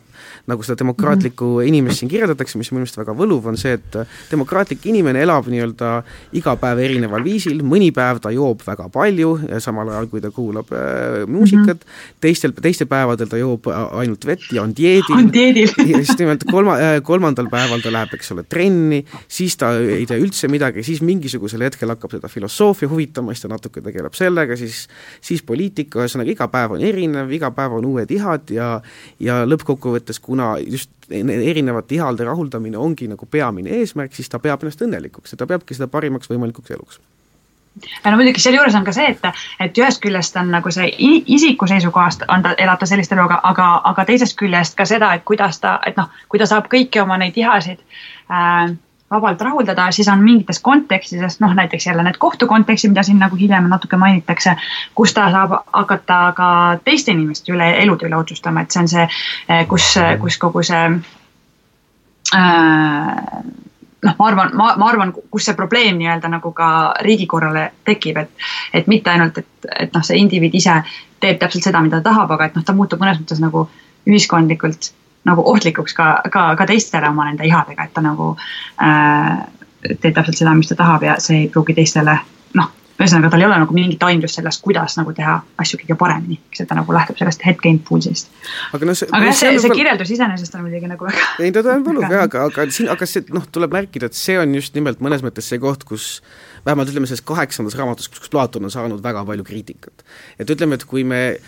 et kui see oligarhilise inimese ja oligarhilise riigikorra omavaheline seostamine, eks ole, kus mõlemad väärtustavad raha, see on veel mingil määral noh, suhteliselt intuitiivne ja mõistetav, siis no on ebaselge, et miks need, kes väärtustavad võrdsust ja vabadust, peaksid olema sellised no, nii-öelda on... tuulelipud, kes iga päev ihalevad midagi uut ja nii edasi, et mõnes mõttes see nii-öelda demokraatlik mees ja demokraatlik riigikord, see seos on noh, natukene ilmselge, miks see jutt meile ei meeldi. Äh ei ole vaja siin. ei, aga miks, no seleta. ja noh, ega see me ju, ta kirjeldab ju meid minu arvates siin, kellele seda ikka meeldib väga peeglisse vaadata no,, kui põhim... ta ei ole just päris nartsissist. ei no põhimõtteliselt võiks ju ette kujutada inimest, kes on pühendunud nii-öelda võrdsuse ideaalile ja vabaduse ideaalile ja kes on seejuures väga nii-öelda koherentne, järjepidev ja nii edasi ja kes sugugi ei ole selline ihade no, põhimõtteliselt, põhimõtteliselt võib jah, aga nagu no ja, ja ei, no, aga, räägi, räägi. seal, seal, sealjuures on, on, on nagu see, et, et äh, ma ei ole päris kindel, nagu mulle tunnetab selle diskussiooni ikkagi nagu üles seadnud nii, et kui me räägime siin sellest nagu madalate ihade nii-öelda või noh, selle nagu iha, ihade kui sellist, eks ju, rahuldamisest, siis on see, et, et noh, sul võib olla see, ma kujutan ette, et ma imestan äh, või noh, üks, üks asi, mida, mida võidaks võib-olla siia tuua, on see, et, et äh, et noh, nagu traditsioonid või mingisugune kultuuri kontekst on selline, mis, mis ei võimalda sul juba nagu ette kõiki ihasid kogu aeg nagu noh, ütleme rahuldada, sellepärast et on, on jällegi see, et ühiskonnas püsida või, või kas siis selles, ütleme, demokraatlikus ühiskonnas, mida, mis see tegelikult siin taustaks on, et, et selleks, et selles ühiskonnas üldse nagu ellu jääda või püsida, selleks, selleks peab nagu noh, on nagu mingisugused ühiskondlikud kokkulepped, äh, mida, mida, mida ta tundub siin ignoreerivat, aga minu arvates see pilt, keda noh, jällegi mul on tunne, et me peame siin mõtlema Alkibiadese peale, et mm,, et just, see, see isik, keda aga räägi palun see, see lugu ära, see on, ma, minu arvates on see ka oluline, et kes, kes, kes see oli? Ja mis? Alkibiades oli, äh, oli särav äh, noor kindral äh,, kes äh, Ant-, antiikmaailma rokkstaar ant, antiikmaailma rokkstaar, kes kasvas üles väga jõukas peres, noh muidugi, aga vara, noorena jäi orvuks ja Perikles võttis äh, tema siis enda tiiva alla ja siis äh, kohe algselt oli juba noh näha, et Alkibiades on väga, mitte ainult füüsiliselt väga atraktiivne ja kaunis noormees, vaid ka väga andekas ja võimekas äh, noormees ja väga ambitsioonikas. ja siis äh, äh noh, me kuuleme Alkibiadest äh,, Alkibiadesest tegelikult mitte ainult Sokratese dialoogide kaudu, vaid ka nagu noh, laiemalt Ükidiides räägib ajaloolased ja, ja nii edasi, et äh, ta äh, siis äh, hakkas Sokratese, Sokratesega koos ringi liikuma ja, ja Sokratest ähm, nii-öelda kuulama ja tegelikult äh, noh, näis, et tegemist on väga võimeka potentsiaalsega filosoofiga. aga Alkibiades ähm, noh, Platoni dialoogide kaudu me näeme seda pilti, kus Alkibiades ähm, äh, oligi selline äh, nii-öelda isiksus, isiksus oli nagu lõhestunud, et ühest küljest teda tõmbas väga Sokratese ja teadmiste ja ütleme siis selle tõe poole ja teisest küljest äh, teda tõmbas väga ka äh, võidu ja tähelepanu ja noh, ambitsioon ambi, poliitika poole siis nii-öelda. Ja noh, ajalooliselt me teame, et tema suhe ka Kreeka rahvaga või selle Ateenaga tähendab, siis oli, oli väga selline äh, armastuse vihkamise suhe, suhe, et ühest küljest tunnustati teda kui tõeliselt geniaalset ja tundub, et ta tõesti oli geniaalne väejuht et tema otsused erinevates äh, ütleme siis tõesti sõjasituatsioonides olid, olid tõesti ideaalsed ja, ja, ja tõid ateenlased välja väga rasketest olukordadest, teisest küljest, äh, teisest küljest ta oli väga ambitsioonikas ja suutis ateenlasi viia ka nagu väga keerulistesse situatsioonidesse, nagu näiteks see Sitsiilia ekspeditsioon, kus siis Alkibiades eestvedamisel äh, mindi koloniseerima Sitsiiliat. Ja, ja see oli täielikult, täielik, täielik katastroof pärast mida Alkibiades Reet teadis, et kui ta tagasi Ateenasse läheb, siis tema üle mõistetakse kohut ja, ja ta mõistetakse surma tõenäoliselt, nii et siis ta tegelikult hüppas üle vastasleeri poole, andis neile olulist informatsiooni Ateena kohta erinevatel täiesti arusaamatutel põhjustel ateenlased tegelikult võtsid Alkibiatese pärast seda uuesti tagasi. ja ta läks uuesti üle Ateena poole. pärast mida ta läks uuesti pärslaste poole, kes oli ka ateenlaste vaenlased. ja, ja, ja, ja, ja et tegelikult see kogu see armastuse, vihkamise suhe Ateena linna, linnriigi ja Alkibiadese vahel oli nagu selline täiesti no suhteliselt nagu irratsionaalne, arusaamatu ja samamoodi, samamoodi äh, siis Sokratese ja Alkibiadese suhe ähm, oli, on, on nagu selles mõttes selline äh, oluline moment ka Sokratese enda eluloos ja, ja osati mitmed, mitmed kriitikud äh, näevad seda Sokratese protsessi ühte, ühe nagu olulise komponendina seda, mm. et, et kui seal üks süüdistus on see, et Sokrates on, on noori nii-öelda korrumpeerunud, siis see kõige ideaalsem näide sellest korrumpeerunud noorest on tegelikult mm -hmm. Alkibiades. et, et, et, et Sokrates väidetavalt siis nagu nii-öelda toodi pukki kui siis Alkibiadese õpetaja, et kes on tegelikult Ateenale kogu laiemas laastus siis toonud kogu selle katastroofi ja Peloponnese sõja kaotuse ja mingil määral võib-olla tasub rõhutada ka seda, et Alkibiadest äh, seostati ka väga selliste ütleme, kahtlaste seksuaalpraktikatega näiteks, et äh, ta kindlasti ei olnud, ütleme, selline traditsiooniline seksuaalelu, teda peeti just nimelt inimeseks, kes oma ihasid nii-öelda rahuldas viisil, mis äh, oli nii-öelda traditsioonilisele moraalile lubamatu. ja siis ühtlasi äh, noh, korralik, korralik rokkstaar. ei, täielik, täielik rokkstaar selles mõttes jah, ja no noh, selles mõttes seal, sealjuures muidugi see, mis see pilt, mis me Platoni saame, eks ju, see, me peame mõtlema seda, et noh, suuresti seal on, on üks motivatsioon Sokratese ja Alkibiadese suhete nagu äh, selgitamiseks on ikkagi see, et, et näidata, kuidas Sokrates, eks ju, ei, ei olnud niimoodi Alkibiadesega seotud võib-olla kui üldine, üldrahvas seda, seda mõistis, aga siin on muidugi huvitav see, et Alkibiades nagu kui korralik rokksaar tegelikult ihaleb kõige rohkem seda, seda, seda Sokratest, kes ei taha temaga nagu seksuaalselt nagu mitte mingit tegemist teha, keda huvitab see, see, see, mis see, noh, see, see, eks ju, see mõistuslikkus või see, see ratsionaalsus ja et, et muidugi se selle kohta, sellel teemal ma tõesti soovitan kõikidel osta pilet New Yorki ja tulla vaatama seda etendust, sellepärast et seal Kibiades siin on tõesti, näitab ennast nagu väga. kes, kes see dramat-, kes see dramaturg on? Äh,. vot, vot, vot ma kohe ütlen, kes see dramaturg on ähm,. ma võin vahe, vahepeal, niikaua kui Laura otsib, võin öelda, et kellel ei ole raha New Yorki sõita, võib lihtsalt osta Platoni sümpoosiumi ehk pidusöögi ja, ja seal lugeda sealt äh, Sokratese ja Ati mis on ka eesti keeles kättesaadav. kulu äh,, kulude äh, minimeerimiseks. kuidas? Doug Hughes on, äh, on see lavastaja ja siis see näidend on kirjutatud Tim Blake Nelsoni poolt ja jah, ja ma soovitan, soovitan tõesti seda sümpoosiumi ka lugeda, sellepärast et see dialoog iseenesest, eriti see viimane osa, kus siis lavastatakse see Alkibiades ja Sokratese omavaheline suhtlus, äh, on mitte ainult äh, intrigeeriv, vaid ka minu arvates väga nagu puudutav, et ta tõesti ei jäta minu arvates mitte kedagi noh, vähemasti ma ei kujuta ette, võiks olla keegi, keda, keda see ei puudutaks, see Alkibiadese iha Sokratese vastu ja, ja see, kuidas Sokrates noh, ühesõnaga kogu see nende nagu armastuslugu on mm. seal selles viimases osas väga liigutavalt ära. aga mine, mina iseenesest äh, julgeksin äh, või ühesõnaga, ma kahtlustan, et demokraatliku inimese kirjeldamisel ei ole Alkibiades nii-öelda algallikas, et ta, kui me eelnevalt rääkisime nendest, kuidas sellest ühesõnaga, kuuendas raamatus on juttu sellest, kuidas see nii-öelda demokraatlik enamus korrumpeerib andekaid inimesi ja kuidas just nimelt see nii-öelda assamblee seinad nii-öelda kajavad ja tekitavad noores inimeses soovi äh, nii-öelda võimu saada ja meeldida massidele äh, selle asemel, et filosoofiaga tegeleda, et see, seal võib-olla peetakse silmast Alkibiadest. sest noh, Alkibiades on kõike muud kui lihtsalt ühel päeval üks ja teisel päeval teine. Alkibiades vähemalt nii, nagu teda äh, tavaliselt kirjeldatakse, on teda, motiveerib ennekõike võimujanu selles mõttes. et äh, Alkibiades äh, Alkibiades on nagu koherentselt halb, selles mm. mõttes, et demokraatlik inimene on selline tõesti üks päev üks, üks päev teine. et ühes-, aga noh, see muidugi ei välista no, seda et.... no aga samas Alkibiades on ju, ta ütleb, ütleb ju küll seda, et teda, teda täiesti vastupandamatult tõmbab ka selle Sokratese poole, teda vastupandamatult, kui ta, et kui ta Sokratese kõrval natuke oleks, siis ta oleks, jääks vanaks Sokratese kõrval. et kui ta, ta peab ennast füüsiliselt nagu ära tõmbama, aga okei, võib-olla selles osas ei, see on, ei, ei selles mõttes, mida, selles on sul õigus, et Alkibiades ütleb sümpoosiumis, eks ole, et et kogu aeg, kui ma olen sinu kõrval, Sokrates, siis ma tunnen, et ma tahan saada paremaks inimeseks, ma tahan tegeleda filosoofiaga, ma tahan, ma tahan mõelda asjade üle järgi.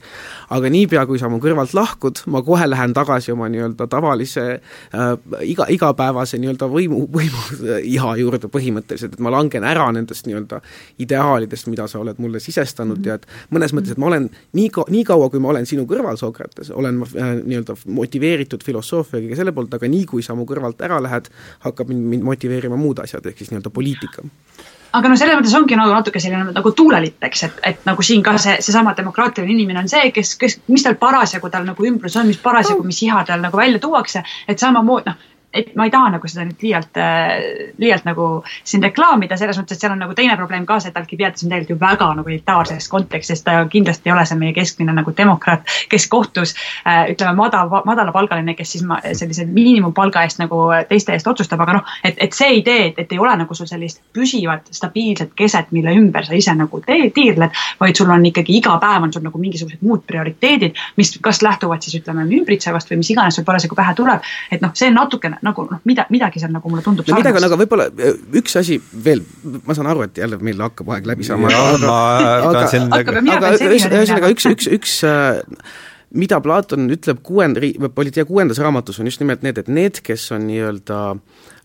mõnes mõttes filosoofiliselt kõige andekamad ja kellel on kõige paremad mm. nii-öelda eeldused saada heaks valitsejaks, siis kui neid motiveerivad valed asjad, kui nad saavad selle nii-öelda demokraatliku enamuse poolt mõnes mõttes nagu domineeritud, need väärtushinnangud saavad peale surutud selle demokraatliku enamuse poolt, siis nendest saavad halvimad inimesed, et sest kuna mm. andekas inimene suudab teha rohkem halba kui mingisugune just. tavaline inimene. ja mõnes mõttes see kukkumine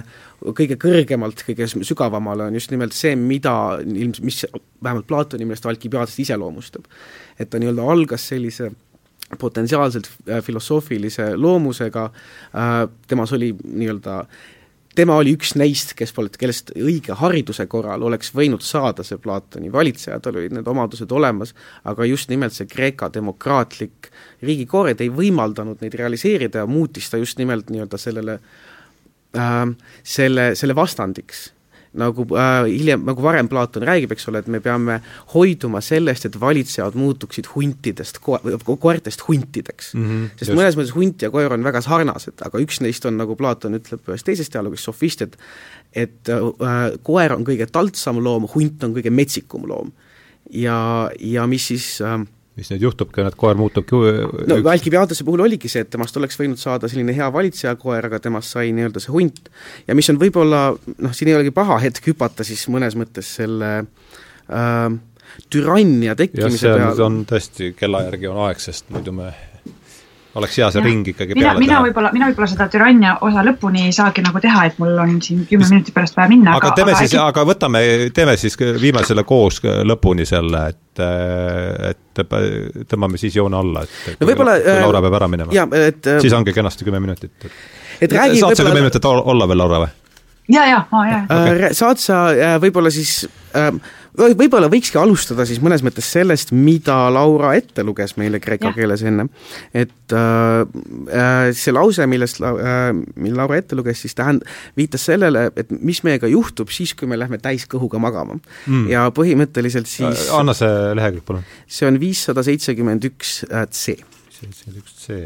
et äh, kui minna täiskõhuga magama, siis äh,, siis põhimõtteliselt suigub äh, unne meie see nii-öelda ratsionaalne äh, hingeosa, aga kuna see,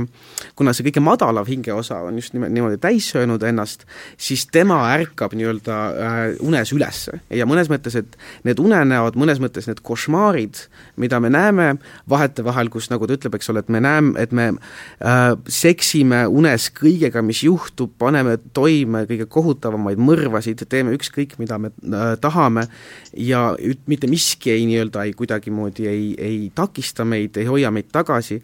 Äh,, et noh, ilmselt paljudel vähemalt meist on selliseid unenägusid olnud ka ja siis, ja mis mõnes mõttes äh, siis mida Platon siin öelda tahab, et just sellist laadi unenäod siis viitavad sellele, mida see ihalev hingejagu tegelikult tahab, et kui see ihalev hingejagu nii-öelda täielikult vabaks lasta mõistuslikust hingejaost ja, ja sellest söakast hingejaost, siis just nimelt sellist laadi ihad siis lõppkokkuvõttes hakkavadki domineerima. see on päris hea kujund, see täiskõhuga magama minek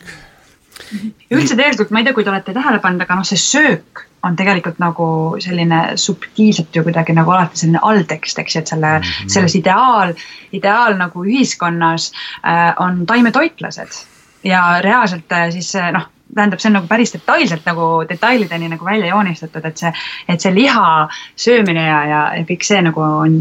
on nagu viitab juba mingisugusele korrumpeerumisele või mingisugusele noh, riigikorra nagu noh, mida, midagi on seal nagu valesti natuke läinud, et. et siin ka see nagu täiskõht, noh mi, mi, midagi seal on selle, selle söömise ja joomisega, mis, mis nagu noh, tegelikult on ju täiesti täiesti äh, adekvaatne tähelepanek, et äh,, et me peame sööma ja jooma ja, ja me ühed kõige primaarsemad tegelikult naudingud tulevadki ma arvan sellest, et, et see nagu, et see on nagu huvitav, tihtipeale Platonist mõeldakse, kui noh, selline ideede nagu ta mõtleb väga abstraktselt, eks ju, ta, ta esitab sellise nagu ideede õpetuse, kõik on nagu väga utoopiline ja nii edasi. ja noh, tegelikult suuresti ta või no ühesõnaga näha on, et ta pöörab väga palju tähelepanu sellele, mis, mis, mis tegelikult nagu noh, meie kehas toimub. just mm, -hmm. aga, aga no ja mis mõnes mõttes siis nagu äh, see see, mis toimub selle, nendes košmaarides, see, mis ärkab meis nendes košmaarides, on siis põhimõtteliselt see, mis siis täielikult domineerib türannlikku hinge. et äh, kui demokraatlik hing, eks ole, liigub äh,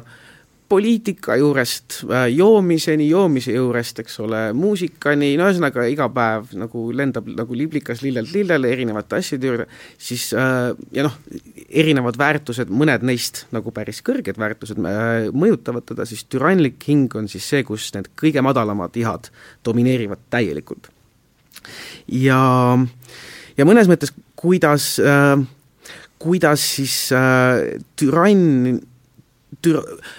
türannia tekib demokraatiast ja kuidas türannlik inimene tekib türannlikust isast, siis ma arvan, et sellest me võib-olla viis minutit veel räägime, siis ongi kõik. et ja. mõnes mõttes see hundi, see hundi äh, jutt, millest me hetk tagasi rääkisime, kuidas koer ja hunt on nii-öelda kõige lähedasemad, et siis äh, mm, Platon siis äh, viitab äh, viissada kuuskümmend viis äh, sellisele uskumusele, et need, kes äh, mm, et need, kes kuidagimoodi siis äh, äh, need, kes ta, äh, ühesõnaga, äh, on müüt, mille kohaselt need, kes söövad inimese siseelundeid äh,, mis on kuidagimoodi ülejäänud liha hulka pandud, siis need äh, ohve, ohvri, ohvri toomisel siis, et siis need muutuvad hundiks. et see on siis selline Kreeka ilmselt mingisugune selline müütiline uskumus ütle veel lehekülg, palun. Äh, viissada kuuskümmend viis E. ahah, jah, on küll, jah ähm, ja, ja siis noh, mida ta ütleb, ongi siis see, et kui selles demokraatlikus riigikorras siis, kuna need kohtuprotsessid on nii laialt levinud ja nii edasi, siis kui keegi, mõni neist, eks ole, kes tahab rohkem domineerida teisi ja nii edasi, siis süüdistab kohtus kedagi ja tema, tema süüdistuse tõttu siis keegi süütu inimene näiteks Äh, mõistetakse surma, et siis äh, mõned laseb jälle eksiili saata ja nii edasi, et kasutab ära neid demokraatlikke vabadusi ja demokraatlikku seda kohtusüsteemi, et siis selles mõttes ta nii-öelda seesmiselt transformeerub millekski muuks, eks ole, tema jaoks ei ole inimelu enam väärtuslik ja et mingisuguses mõttes ta saab siis hundiks ja ehk siis türanniks. Mm. Ja põhimõtteliselt, mis siis, äh, mis siis äh, tingib selle türannia tekkimise äh, kui riigikorra tekkimise demokraatias on just nimelt see, et vabadus nii-öelda äh, vabadus inimesi kohtusse kaevata, vabadus teha, mida sa tahad, viiakse siis oma nii-öelda maksimumpiirini teatud mõttes ja tekivad siis nii-öelda inimestel on teatav loomupärane soov äh, vaadata teatud inimesi nii-öelda liidritena, ühesõnaga, selle nii-öelda, selles nii-öelda hoipoloi, millest juttu oli, et nendest tekivad teatavad sellised nii-öelda juhtfiguurid ja kuna see hoipoloi on selline üldiselt selline noh, suhteliselt lambakari Platoni meeles, siis nad hakkavad teatud ühtesid äh, nii-öelda liidreid äh, järgima siis need, äh, need liidrid siis, keda nad järgima hakatakse, siis mingisugusel hetkel nad tunnevad ennast natukene nii-öelda ebaturvaliselt, nad paluvad nii-öelda demokraatlikus protsessis endale äh, ihukaitset, ehk siis mingisugust gruppi relvastatud inimesi, kes neid kaitseks, ja siis sellest lähtuvalt hakkavad nad üha rohkem võimu haarama, kuni lõpuks põhimõtteliselt nad orjastavad siis kogu selle nii-öelda äh, demokraatliku selle teemase põhimõtteliselt. ja et nad muutuvad siis nii-öelda äh, muutuvad siis türannideks ja kõik ülejäänud orjastatakse. ja see väide on siis, tsentraalne väide on just nimelt see, et see nii-öelda lõpule viidud vabadus või see täielik vabadus viib siis selle täieliku orjastatuseni mm. -hmm. Laura? et see on, et, et, et see on nagu natuke sellest, et, et põhimõtteliselt noh, jällegi nagu kohtusaalid on nagu siin kuidagi kesksed, et ehk et, et tegelikult äh, võis ju süüdistada, noh, ühesõnaga siin on nagu see, et, et võib süüdistada põhimõtteliselt keda iganes. Ja, ja et tegelikult oli äh, päris palju selliseid äh, äh, inimesi vist äh, vähemasti tundub meie tekstide baasil nii-öelda nii psükofondid, kes siis nagu professionaalselt käisidki ja süüdistasid inimesi nii-öelda nagu oma kasu või et, et saada nagu siis äh, oma kasu sellest süüdistusest, aga, aga see on huvitav äh, Kreeka kontekstis on see, et erinevalt meist, kui me, meil keegi näiteks toob äh, või viib kellegi kohtusse, kaebab kohtusse, et siis äh, on nagu oluline näidata nagu, et see, et see, et on mingisugune objektiivne suhe, et ehk et, et, et ma ei ole nagu motiveeritud oma mingisugustest varasematest äh, äh,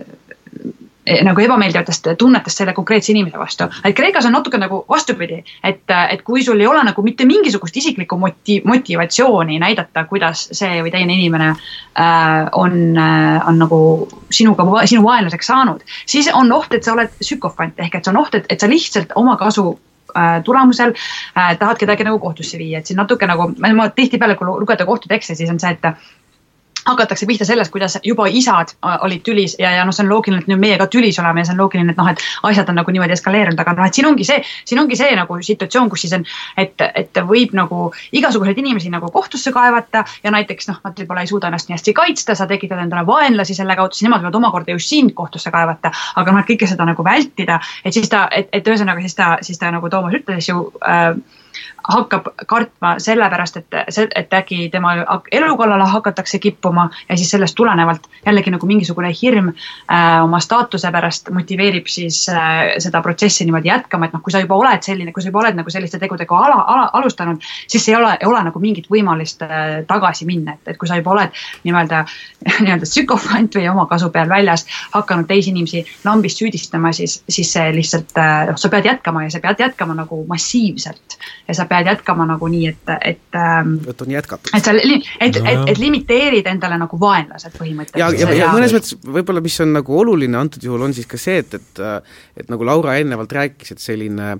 isa või ema tapp äh, või ema ründamine on kõige hullem asi peaaegu, mida üks kreeklane suutis endale ette kujutada. ja see, kuidas Platon seda nii-öelda türanniks saamist maalib, ongi mõnes mõttes see, et see demokraatlik teemos on see, eks ole, kes on su isa kes on siin nii-öelda esile to äh, toonud, eks ole, ja, ja lõppkokkuvõttes siis see, mida see türann lõpuks tegema peab, ongi siis nii-öelda täielikult allutama äh,, vajadusel nii-öelda tapma äh,, võtma ära kõigi nii-öelda eraomandi ja nii edasi, ja mõnes mõttes siis just nimelt nii-öelda ründama oma vanemaid. ja, ja see on noh, nagu sümboolses tähenduses on nagu halvim, mida inimene teha saab nii-öelda Kreeka kontekstis. nii et selles mm -hmm. mõttes see türanniks saamise protsess on nii-öelda täieliku ebaõigluse selline musternäidis et äh, ja no, no see, see näide unest, eks ju ka, et noh, see, et need ihad, mis sul siis on, eks ju, et, et, et astuda vahekorda oma emaga, eks siis noh, see on nagu ka täpselt, täpselt seesama nagu ma ütlesin, see nagu äh, struktuuri täielik lammutamine. aga no võib-olla nagu Laura, sina tahtsid, rääkisid enne hirmust, et võib-olla siis nagu rääkida, räägi kaks sõna ka sellest, et miks ühesõnaga Platoni meelest on türann kõige õnnetum inimene äh, ja türann on ka kõige õiglasem inimene. ja seda tasub, äh, või vabandust, kõige ebaõiglasem inimene. et seda tasub nagu mõnes mõttes selle politeia sellise üldsuun- äh,, nagu sellise argumendi mõttes natuke meeles pidada, et see, mida Platon tahab näidata, on see, et mida ebaõiglasem sa oled, seda õnnetum sa oled. ja mm., ja mõnes mõttes äh, no türann olekski siis nii-öelda selle kõige ebaõiglasem ja nüüd enamus inimesi äh, ütleme, või noh, paljud arvaksid, et kui sul on ainuvõim, kui sa võid teha mida iganes sa tahad, siis sa oled noh, allutanud kõike enda jaoks, sa võidki tõepoolest nii-öelda magada kõigiga, keda sa soovid, sa võid süüa, mida sa iganes soovid, noh sellise hoi polloi või sellise demokraatliku enamuse meelest see ongi parim, mis sinuga juhtuda võib, see on see nii-öelda see, kus sa oled nii-öelda noh, sa saad teha mida iganes sulle pähe tuleb. Ja nüüd Platoni väide on just nimelt see, et äh, kui sa oled selle saavutanud, kui sa oled reaalselt türann äh,, siis sa oled kõige õnne, õnnetum inimene ja Laura, võib-olla räägid meile, miks? ma, ma, ma tegelikult saan ainult ühe lause öelda. aga, aga see üks lause on see, et, et muidugi ja see on täpselt seesama väljakutse, eks ju, mis oli tegelikult riigi alguses. et täpselt. näita meile seda, kuidas saab olla kõige suurema võimuga inimene äh, siis kõige ebaõnnelikum, et kuida-, kõige õnnetum, et kuidas see võimalik on. jõuabki sinna välja, eks. ja jõuab, ja jõuab tegelikult selle nüüd üheksanda raamatu ju, ju, juures selleni välja, et ta on nagu selle kogu asjas niimoodi üles ehitanud ja noh ma pean ütlema nüüd viimase, viimase tähendusena, viimase nii-öelda mõtteterana, et, et ausalt, kui sa nagu üheksanda raamatuni välja jõuad, siis päris veenev on see pilt. Päris veenev on, on, see, et, et ähm, äh, mitte üldse enda üle kontrolli omades äh,, täpselt nii, kuidas ta seda türannilist äh, siis inimest ette kujutab ja olles pidevalt hirmu all, et keegi tuleb ja võtab sul selle võimu käest ära ja muideks ma tahaks öelda, et, et muidugi see, kui vaadata näiteks kasvõi Kreeka tragöödiaid, on üks peamine asi, mida isegi õiglased juhid, ütleme õiglased nii-öelda türannid, no türannos tegelikult kreeka keeles on kuningas, et tegelikult mitte tingimata ainult nagu halb esialgselt. et, et ütleme Oidipuse peale mõeldes, et isegi Oidipus, kes on nagu väidetavalt äh, ka teiste poolt nähtuna nagu selline õiglane kuningas. esimene asi, kui tekib äh, probleem, hakkab ta mõtlema selle peale, kuidas Kreon ja teised tema ümber tahavad võimu kukutada, nii et põhimõtteliselt isegi kui sa üritad olla see kõige nagu õiglasem türann, siis äh, nagu see impulss või see, see, see pidev hirm on kogu aeg olemas ja, ja noh, ütleme see siis mida rohkem, mida rohkem, mida rohkem sul võimu on, seda rohkem on sul hirmu. ja põhimõtteliselt ja. no lõpuks siis ta kirjeldabki, kirjeldabki Sokrates siis seda, milline see türanni elu on, on see, et tal ei ole ühtegi sõpra, ta on ümbritsetud palga äh,, palgasõdurite poolt, ta elab pidevas kabuhirmus, teda nii-öelda domineerivad tema kõige madalamad ihad, mis veavad teda nii-öelda eri suundadesse ja äh, teatud mõttes äh, tema, temas puudub täielikult see nii-öelda ühtsus ja harmoonia, mis on omane siis õiglasele inimesele. et see ja, ja noh, mõnes mõttes see pilt türannist siis peakski olema, peakski olema see nii-öelda seletus, miks see ebaõiglus on halb, miks me peaks vältima ebaõiglust. no nii, aga nüüd on küll, äh, Laura kehakeel ütleb seda, et seminar on kohe, on kohe algamas, et et ja, mis meiegi siis enam pikalt siin äh, kahekesi mm, äh, seletame, et aitäh sulle, Laura, ja aitäh sulle, Toomas, et Aitäh, oli väga huvitav äh, teiega lobiseda. Ja eetris oli siis jumal teab mitmes, umbes viiekümne esimene äh, Tähenduste teejuhtide saade ja rääkisime täna Platoni äh, siis demokraatiakriitikast ja minu vestluspartneriteks olid Laura Viidebaum ja Toomas Lott ja mina olin saatejuht Hardo Pajula ja tänan teid kuulamast